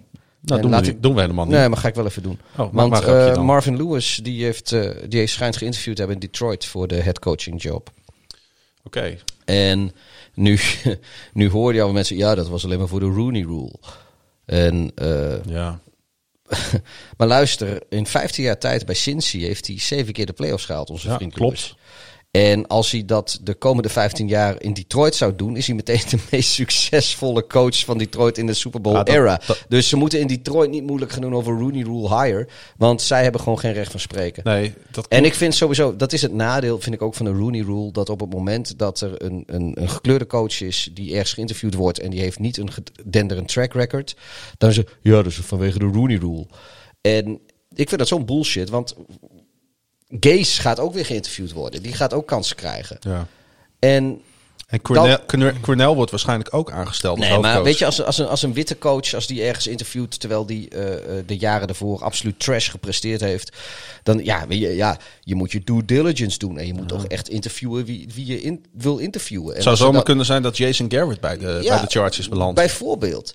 En, en, en dan komt er een, een, een zwarte coach die, die nou ja, van, bij Cincinnati van de 15 jaar eh, de helft van de keren zo'n beetje de playoffs gehaald heeft. In een divisie waar vaak twee teams sowieso de playoffs al halen met de Ravens en de Steelers. Laten we ook niet doen alsof de AFC North een makkelijke divisie is. Nee. En eh, ja, hij, won geen enkele van die playoff wedstrijden volgens mij. Maar daar gaat het Nee, hij heeft geen enkele playoff wedstrijd gewonnen Nee, met de maar- Bengals. Beetje sneu. Nee, maar dat is nog steeds eh, meer succes dan heel veel. En dan komt dat Rooney Rule. Maar goed, weet je, ik, ik, ik zit weer helemaal af te dwalen. Nou, dit valt niet eh, af. Het is terecht dat je, dat je hier aandacht voor vraagt. Het is jouw podcast. Het was voor iedereen die betrokken is bij de Ravens een uitmuntend weekend. Behalve voor Panther Sam Koch. Hij werd vorige week op de Reserve COVID-19-lijst geplaatst en zag daarmee een franchise record streak van 239 op één volgende wedstrijden tot een einde komen. Koch die miste de afgelopen 15 jaar geen enkele wedstrijd tijdens zijn NFL-carrière. Oké. Dat is toch sneu voor deze jongen. We hebben nu alle, alle playoff teams gehad, hè? Eh, nee, want we moeten het nog even over de Colts hebben. Oh ja, fuck, die zijn er ook nog in gekomen. Dat zijn de laatste. De Jacksonville Jaguars at de Indianapolis Colts. Iedere belangrijke overwinning, zoals jij weet, heeft een ster nodig. En bij de Colts luistert hij naar de naam Jonathan Taylor. De rookie running back kende, eh, rende een franchise record 253 yards bij elkaar. Scoorde twee keer en was dus voor een significant deel verantwoordelijk voor de overwinning en het behalen van de playoffs. Ja, die had een dag hè. Ja.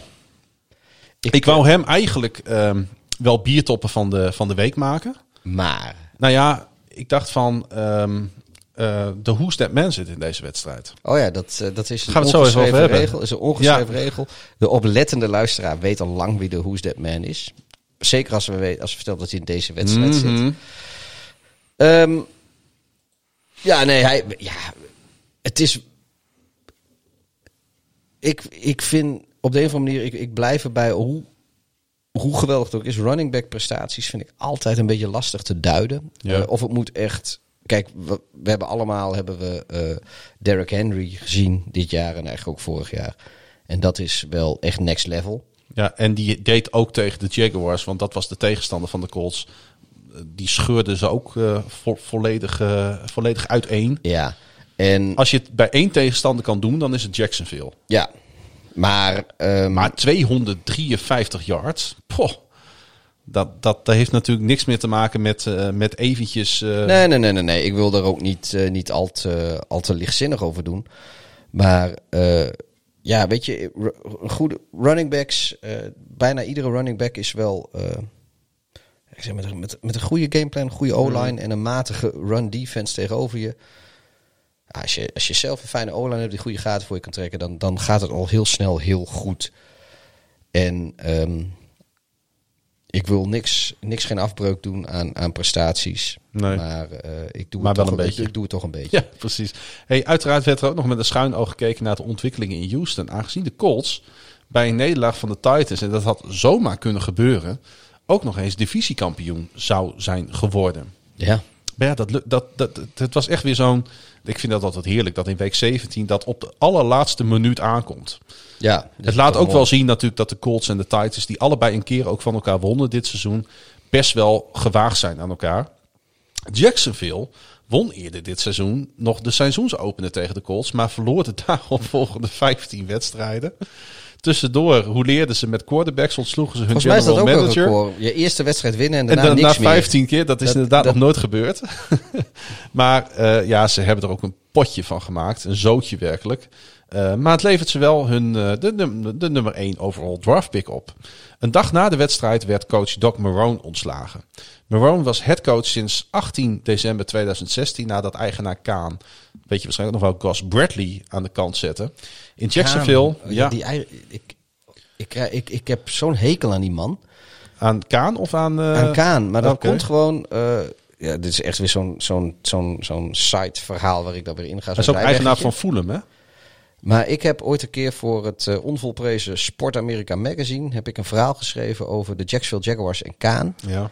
En dat was zo'n editorial, of weet je, zo'n zo'n zo'n zo'n zo'n zo'n redactioneel stuk van, weet ik veel, 3000 woorden of shit. Mhm. En ik had het er zo moeilijk mee. Ik heb, ik heb van, de, van, van Darwinkel, die was de, de, de redacteur daar, die heeft mij daar nog een heel eind mee op weg geholpen. Die zei, oh, ik kan dit vertellen, dit vertellen. En toen heeft hij, maar ik heb nog nooit zo moeilijk gehad met een stuk schrijven. En sindsdien, ik heb niet per se een hekel aan de Jaguars, maar die Kaan, sindsdien kan ik hem nooit meer normaal zien. Ik heb al zoiets van, echt jongen, door jou heb ik... eh, Slapeloze nachten. Ja, je weet hoe het gaat. Dat is een deadline en die wil je Ja, halen. het. En, eh, Ik heb het helaas. eh, dat stuk her- herinner ik me nog als het meest moeilijke wat ik ooit geschreven heb. En eh, ik neem dat Kaan persoonlijk kwalijk. Maar de luisteraars hebben hier niks aan. Dus ga jij maar eh, met... eh start er maar in.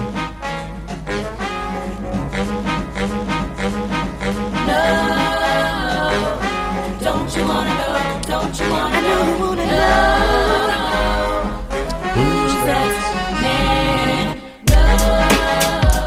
Ja, de Who's That Man van, eh, van deze week zit in deze wedstrijd. Het is best wel een bijzondere speler. Eh, het is ook wel bijzonder dat hij eh, nog een keer kans heeft om Who's That Man te worden. Het is namelijk Jared Veldheer. Wie? Jared Veldheer. Hij is namelijk de, een offensive tackle voor de Indianapolis Colts. Maar dat is hij pas sinds een weekje. Maar laten we beginnen bij het begin. Jared is geboren in 1987 in Grand Rapids, Michigan. Als zoon van Jim en Mary Veldheer. En omdat we dol zijn op topografie. Grand Rapids ligt aan de Grand River. En ongeveer 48 kilometer ten oosten van Lake Michigan. Zijn er daar eh, stroomversnellingen in de Grand River? Ik heb geen idee. Ja, want dat, eh, dat zijn namelijk rapids. Ja, het zou heel goed kunnen. Dus ik denk dat je daar leuk kan, gok, kan kanoën. Gokje, gokje hier. Nou, ik, die streek een beetje inschatten, dan denk ik dat het wel het geval is. Ik, eh, ik heb wel eens iemand ontmoet in Detroit die eh, vaak in Grand Rapids komt. Nou, wie dan? Daar gaan we nog een keer over hebben. Leuk verpleegstertje. Zou maar zo kunnen. Eh 48 kilometer ten oosten van Lake, Lake Michigan ligt, eh, ligt dus eh, Grand Rapids. En het is een van de snelst groeiende steden in de Midwest. De stad is qua inwoners ongeveer net zo groot als Tilburg. De stad staat bekend als meubelhoofdstad van Amerika. Er zitten veel meubelmakers. Vind ik dan wel leuke dingen. Waar komt jouw bankstel vandaan? Precies. Til, Til, de, de Amerikaanse Tilburg. Ja, het is een beetje het, het Zweden van de Verenigde Staten. Ja, zoiets, ja. En voormalig president Gerald Ford groeide erop. En ligt er ook begraven. Ehm, onze grote, onze, onze vriend van de week, Who's That Man, Jared Veldheer, die ging naar Forest Hills Northern, Northern High School. Northern, Northern, ja. Northern High School. En is een van de vier notabele alumni's, alumni's van die school. Notable alumni. Alumni, sorry hoor. Het is, Ik, corrigeer. Doppel IPS. Chris Affendoulis is republikeins lid van de Michigan House of Representatives. Mitch Lyons is zeven jaar tight end geweest in de NFL. Die komt dus ook van deze high school. Vier seizoenen bij de Falcons en drie bij de Steelers. En hij speelde 90 wedstrijden en scoorde liefst één touchdown. En de andere is de ondertussen 53 jaar oude Steve Scheffler. Die ken ik nog. En wie is Steve Scheffler? Nou, die werd in de tweede ronde van de 1990 NBA-draft gekozen door de Charlotte Hornets. En bereikte met de Seattle Supersonics in 1996 de NBA-finals. En speelde dus dat jaar tegen Michael Jordan en de Chicago Bulls. Daar komt het wel heel dichtbij, want ik heb eh, Air Jordans aan. Dus je bent eh, één schoen verwijderd van, eh Van Jared Veldheer. een van de vier notabele alumni's van Ja. Forest Hills Northern High School. Ik voel me wel meer verbonden nu met Jared Veldheer dan, dan 50 seconden geleden. Nou, ik wou gewoon even aangeven dat hij dus... eh, hij, hij is best wel een grootheid natuurlijk op zo'n high school. Hè? Dat je dan tussen dit rijtje staat. Ja. Maar goed, oké. Even los van deze namen. Je mag ze allemaal weer vergeten. Maar ik hou van dit soort sidesteps. Ehm, hij ging naar college. ehm, uiteraard. En zijn college heette Hillsdale. Ik had er nog nooit van gehoord. Moet ik heel eerlijk zeggen. Jij wel? Nee, maar ik lees, eh, ik ga maar verder, want ik lees interessante dingen nu. Nou, Hillsdale is namelijk in 19, 1844 opgericht door de abol abolitionische ja, er waren, het waren abolitionists. abolitionist, precies. Eh, En dat zijn niet die zwarte inwoners van Australië, dat zijn aboriginals. nee, dit zijn Maar abolitionist. abolitionisten waren tegen de slavernij. Die- precies, die waren tegen slavernij. Zaten ook in de, in de vrije baptistenhoek. Ehm, en ehm, het voetbalteam heet de Hillsdale Chargers. Dus net zoals de Los Angeles en vorig jaar, eh, vroeger de San Diego Chargers. De Hillsdale Chargers. en zij spelen in Frank Muddy Waters Stadium. Waar 8500 toeschouwers kunnen plaatsnemen. Het stadion is vernoemd naar coach Muddy Waters. Die headcoach was van, let op, 1954 tot 1973. Dat is toch eh, negen- negen- 19 jaar? 19 jaar. 19 jaar. Ja, 19 jaar. Dat is toch respectabel. Eh, de Raiders draften Veld hier in de derde ronde van de 2010 draft. En daarmee werd hij de eerste Hillsdale Charger in lange tijd die in de NFL werd gedraft. De vorige was receiver Nate Johnson in de zevende ronde in 1980 gekozen door Pittsburgh. Na drie jaren Oakland Raiders verhuisde Veldheer in maart 2014 naar de Arizona Cardinals, waar hij een contract te waarde van 35 miljoen dollar tekende. Via de Denver Broncos belandde Veldheer bij de New England Patriots, waar hij op 13 mei 2019 een eenjarige deal tekende. Op 21 mei, de inkt was nog nauwelijks droog, kondigde hij opeens zijn retirement aan. En kwam hij niet meer aan spelen toe en sleet hij zijn dagen op de reserve retired list. November 2019 werd hij geclaimd door de Green Bay Packers, waar hij in week 16 en 17 van het vorige seizoen zowaar speeltijd kreeg. Op 21 september 2020 kondigde hij opnieuw aan te gaan stoppen, ondanks een aanbieding van de Dallas Cowboys. Des te opmerkelijker, vond ik het, was zijn free agent visit aan de Colts op 28 december vorig jaar. En een paar dagen geleden, op 2 januari, verscheen hij notabene op het active roster voor week 17. De wedstrijd tegen, die we net besproken hebben, de, Jaguars. Nou, ik snap wel dat je, dat je de, bedankt voor de NFC East. Ja, dat zal niet helemaal de reden geweest zijn, maar hij heeft nu gekozen om bij de Colts dus nog wat te gaan doen. En wat we natuurlijk. Ja, en, wat- en na twee wedstrijden Packers is alles een vooruitgang. Dat is waar. Eh, dat is helemaal niet waar trouwens. Veldheer is natuurlijk overduidelijk een Nederlandse naam. Daarom valt hij eh, ons altijd natuurlijk op. En hij doet zijn roots eer aan. Want ik heb namelijk iets gevonden. Ik ga het er even bij pakken. Ehm, een pamflet van eh, de West Michigan Dutch American Heritage Celebration. En die organiseren ieder jaar een Dutch American Heritage Day. Ja, in Holland, Michigan. Ehm, Want dat ligt, Ja, daar, dat, dat- ligt daar vlakbij. Grand Rapids namelijk. Dat Daar heeft- zitten echt heel veel Nederlanders daar. Heeft daar zeker mee te maken, want eh, op die dag was ene John Karsten de honoree van de dag. Hij emigreerde vanuit Nederland in 1957 met zijn vrouw Vida naar Amerika. En hij was de Town Crier of Holland, Michigan, 40 jaar lang. Ja, als, eh, wij, wij, zijn, eh, wij zijn een keer met de trein van Chicago naar Detroit gegaan. Ik Ja. ben er ook een keer met de auto heb ik dat gedaan. En dan kom, nou ja, dat kom je niet per se, maar toen zijn wij dus door Holland, Michigan gereden. En dat is echt, dat is echt een stukje Nederland in, eh, in Amerika. Zo ook weer molentjes en ze doen ook echt, daar, daar zit, ja, de, daar zitten heel veel eh, Nederlandse namen. Winkeltjes hebben Nederlandse namen. Je kan er ook eh stroopwafels kopen. Daar staan overal ook molentjes. En ja, en Hegelslack en, en al, dat soort, al dat soort dingen kun je daar gewoon krijgen. Er zit ook gewoon een Nederlandse winkel. En ach, nu zit er in heel veel Amerikaanse dorpen. Vooral. In wel Nederlandse winkels. In maar- Hudsonville hebben ze trouwens dan altijd deze dag. En, maar waarom benoemen wij dit nou allemaal? Ze hadden in 2019 een special guest speaker. Wie denk je? eh, Jared Veldheer. Ja, Nou, dat, dat, dat, what are the odds? onze Who's That Man van deze week was special guest speaker op de Dutch American Heritage Day. Ehm, en dat vond ik tof. Ik ook. Er was stampot en weet ik veel niet wat allemaal meer. Hema Dutch worst. dinners, ja. Stroopwafels. eh, Institutioneel racisme. Nederlandse dansen, Nederlandse liedjes. En deze Jared Veldheer, die doet dus echt nog zijn Nederlandse roots eer aan... door op zo'n Heritage Dag daar het podium te bestijgen... en daar, nou, daar, daar, daar, wat dan over te zeggen. En terecht. Ehm, voor zover ik heb Ik kunnen heb ook vinden... wel eens verkade ja, chocolade gekocht in een Nederlands winkeltje ergens in Amerika. voor 8, 8 dollar per reep of zo. Ja joh, niet normaal. Eh, voor- voor- Oplichters. Voor zover ik heb kunnen vinden, heeft Jared geen kinderen. Laat staan een dochter. Wat dan weer best jammer is. Want Asterix in Obelix 38 heet de dochter van de veldheer. En dan zou er maar mooi een strip naar je zijn genoemd en vernoemd. En ehm, nog even hoor. Wat, wat was de positie van eh Veldheer? Wat speelt hij? Eh, offensive lineman. Offensive tackle. Oké. Mhm.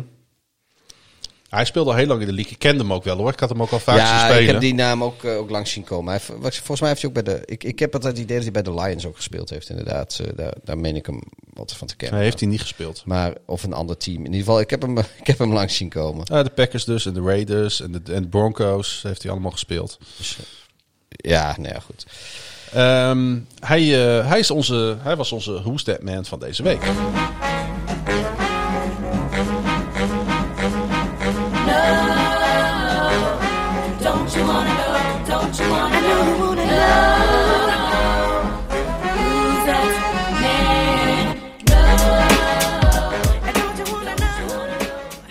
En dan waren er nog een viertal wedstrijden waarin teams figureerden die niet terug te vinden zijn in de playoff picture. Weet je trouwens, eh, voordat we naar de niet-playoff teams, want dat zijn de niet-relevante teams. Mhm. We hebben nog even de relevante teams. Dat zijn de eh 14 teams die naar de playoffs gaan. Ja. de langste actieve playoff droughts. Ja. Weet je welk team het langst niet in de playoffs gespeeld heeft? ja, dat zijn de Browns. Oh, je bedoelt van de teams... Die eh, het nu wel Helemaal, over alle 32 teams bedoel je? Ja, Ehm, ik denk de Raiders. Of de Lions. Weet je het antwoord? Waarom stel je deze nee. vraag? nee, ik, ik, ik zit er echt te kijken. Ik denk, wacht even, dit... dit eh, Nee, de, de, de Browns hadden de langste playoff droogte van de league, sowieso. Ik weet niet wie dat nu zijn. Ik denk dat dat de, de Raiders zijn, weet ik niet zeker. nee, want die... eh, Maar die hebben één keer in de laatste 18 jaar hebben die de playoffs gehaald. Ja, en de eh 14 teams. Ik, zo, is, ik, het is mijn fout, ik ga er verkeerd in. Dat geeft niet. We hebben 14 teams die nu de kans hebben op de titel. Ja. En het gaat om title droughts. Ah, oké. Dus het was mijn fout. Ik, eh, ik zie dat en ik denk, wacht even, dit klopt niet. Wie, welk team van de 14 Ja. heeft het langst geen eh, kampioenschap gewonnen? Ehm, Ik kan je vast verklappen, het zijn niet de Browns. laat me heel even nadenken. Het zouden de Bears kunnen zijn. 85. De Bears, een tijdje nee, de geleden. Bears 34 jaar, maar eh, Misschien is het Washington? Nee, niet. Washington, ook jaren niet. 90 nog. Jaren 90, ik wou het net zeggen. Ik Nou, zeg- het maar. de Tennessee Titans. Ja, ik, dat was, was Ach. mijn volgende gok geweest. 58 jaar, die hebben 1962. Jemig. 1962. Dan Ja. met 55 jaar eh, de Browns. Mhm.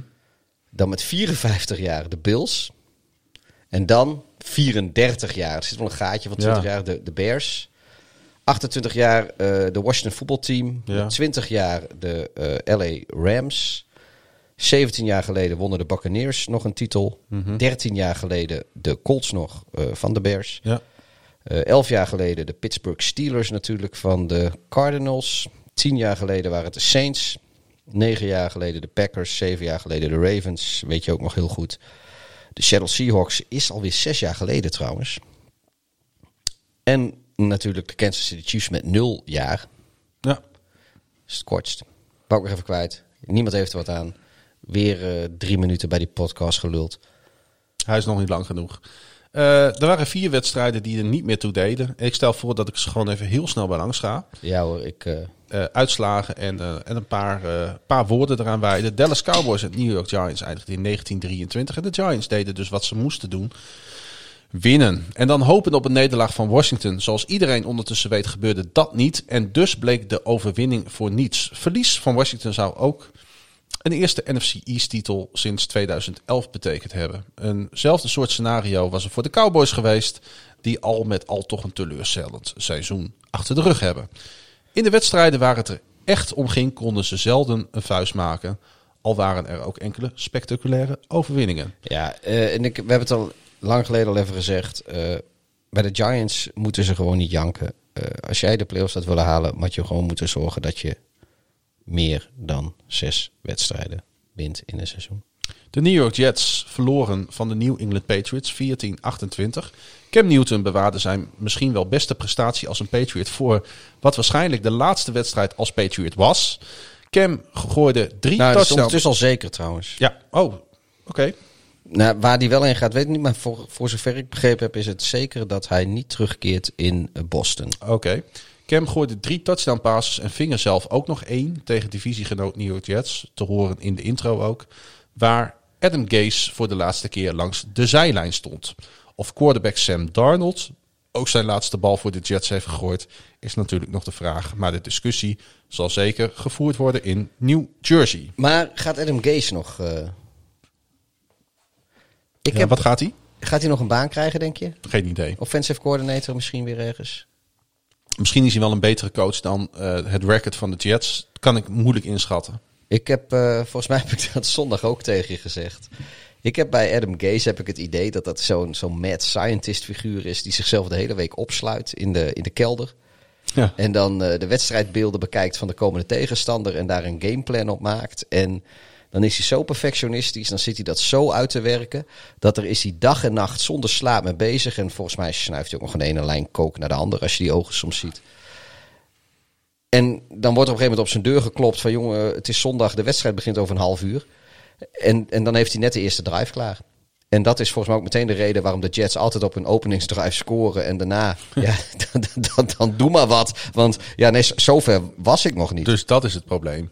Ja, voor Adam Gase zouden gewoon de wedstrijden om de week gespeeld moeten worden. Je moet gewoon twee weken tussen wedstrijden zitten. Als, als dat Ja. zo zou zijn, dan was hij denk ik misschien wel een van de beste coaches in de league. Nou, nog twee wedstrijden te gaan. Nog twee te gaan. De Minnesota Vikings. en de Detroit Lions. Ja, dit ging... Het was echt een leuke wedstrijd, maar het Mhm. ging echt nergens meer om. Eh, Justin Jefferson die mocht even zijn eh, rookie receiving record pakken. 1400 eh, eh, res- yards had hij volgens mij. Nee, 1379 kwam die op uit. Ik meende dat hij op eh, precies... Ah, dat maakt ook niet uit. Ehm, hartstikke, hartstikke mooi voor hem. En eh, zeker doet hij mee in Rookie eh, of the Year. Maar ik denk... eh, sorry Geert-Jan, maar als je nog luistert... ik denk toch dat Herbert eh, die titel wint. Maar eh, Jefferson heeft het, eh, heeft het, eh, maakt het zeker spannend. Eh en kwam Bolden, die, eh, Ja, die had dat record op zijn naam. Equin Bolden en toen gedraft door... Eh, Oh, was, waar zat hij ook alweer? Zijn eerste seizoen. Dan ben ik het even kwijt. bij de 49ers? Nee, of Nee, zat hij er later? nee, nee, nee. Pa- Heeft- heeft- Panthers? Heeft hij ook bij de Ravens gezeten? Jazeker. Heb Ho, ik, ho, ho, heen. Heb ik heb de hand nog geschud in Baltimore? Was hij dat? Dan heeft hij ook nog bij de Eagles gezeten? Was, is hij dat? Jazeker, dat is ik hij. heb hem de hand geschud in Baltimore. Ik sta met hem op de foto. Ja, nou, ik hou hem niet vast. Wat ik hou, K- ik hou K. de Adams Cardinals. vast. De Cardinals, ik dacht het al. De Arizona Cardinals. Daar heeft hij, Hij, de was, eerste... was hij daarbij waar K. Adams ook was? Was ja, hij dat? Ja, ja. Oh. Was wel heel tof. Eh, misschien heel kort eh, nog even. Wij gingen naar de wedstrijd tussen de Ravens en de 49ers eh, vorig seizoen. En daar was hij als soort van side-commentator voor Good Morning Football met Kay Adams. Ja, of Op en- Game Day- ja, Game Day voetbal. En, en NFL Game Day of Game Day. eh. Ja, en daar, daar stond hij opeens in die prachtige zwarte jas van hem. Ja, god, eh, ik heb er toch wel een weekendje bonje voor over. Ik, ben, eh, ik val over het algemeen op vrouwen, maar hoe Anchor en Bolton eruit zag. Ja, nou ja, K. Adams had alleen maar oog voor mij, want ik had een bearspet op. Oh, I like your hat. Maar hij had inderdaad het rookie-record op naam staan. Toen hij dus eh, speler was voor de Arizona Cardinals. Ehm, Lions quarterback Matthew Ja. Stafford trouwens. Die Ja, dat, heeft eh, nog twee contractjaren over in al- Detroit. ik heb volgens mij al zo vaak in deze podcast zijn toekomst in Detroit ter discussie gesteld. En Ja. ik, ik hoop voor Matthew Stafford, serieus, zeker nu we weten dat Cam Newton niet terugkeert in New England. Ja, ik zou, ik, ik zou Matthew Stafford heel graag bij Bill Belichick in New England willen zien. ja. Lijkt me echt awesome. En als dat niet kan, dan eh, bij de Colts. Maar in ieder geval niet in de NFC. En de laatste wedstrijd, Pieter, van eh afgelopen reguliere speelronde. De Denver Broncos ontvingen de Las Vegas Raiders. En eh, ja, weet je, ook dat was wel een, een spannende wedstrijd. Misschien wel net zo leuk als Vikings at Lions. ja, in ieder geval misschien minder ellende van de scheidsrechters. Ja. Want dat, was, dat was nog wel een dingetje. Eh, ja, ik heb niet zo heel veel van die wedstrijd meegekregen. Ik heb het natuurlijk wel... eh, wat was het? eh, eh, Judy, die had natuurlijk die 92 yard touchdown reception. Ja, prachtig eh becommentarieerd door die vrouwelijke verslaggever. Er is één vrouwelijke verslaggever in de NFL op dit moment. Ja, bij de CBS zit ze Ja. volgens mij. Ja, wij, de, de- waarom, het is waarom hebben, nou, we hebben deze wedstrijd natuurlijk, eh, dat einde hebben wij helemaal kunnen zien, omdat dit de wedstrijd was die het langst duurde. Ja. En die was pas om 10, 5 voor 2 was die afgelopen namelijk. Ja, en het irritante van deze wedstrijd was, is dat ik Denver had voorspeld en jij de Raiders. En in de fucking laatste seconde. Gaat John Gruden voor een two-point conversion in plaats van een field goal try eh, om eh, gelijk te maken. Ja, het betaalde zich wel uit, want het lukte. En de Raiders, die met een 8-8 record in ieder geval niet een losing seizoen hebben, ehm, ja, die kunnen zich gaan opmaken naar, eh, voor eh, 2021. 8-8 is natuurlijk niet slecht. De Raiders hebben echt wel slechtere seizoenen gedraaid.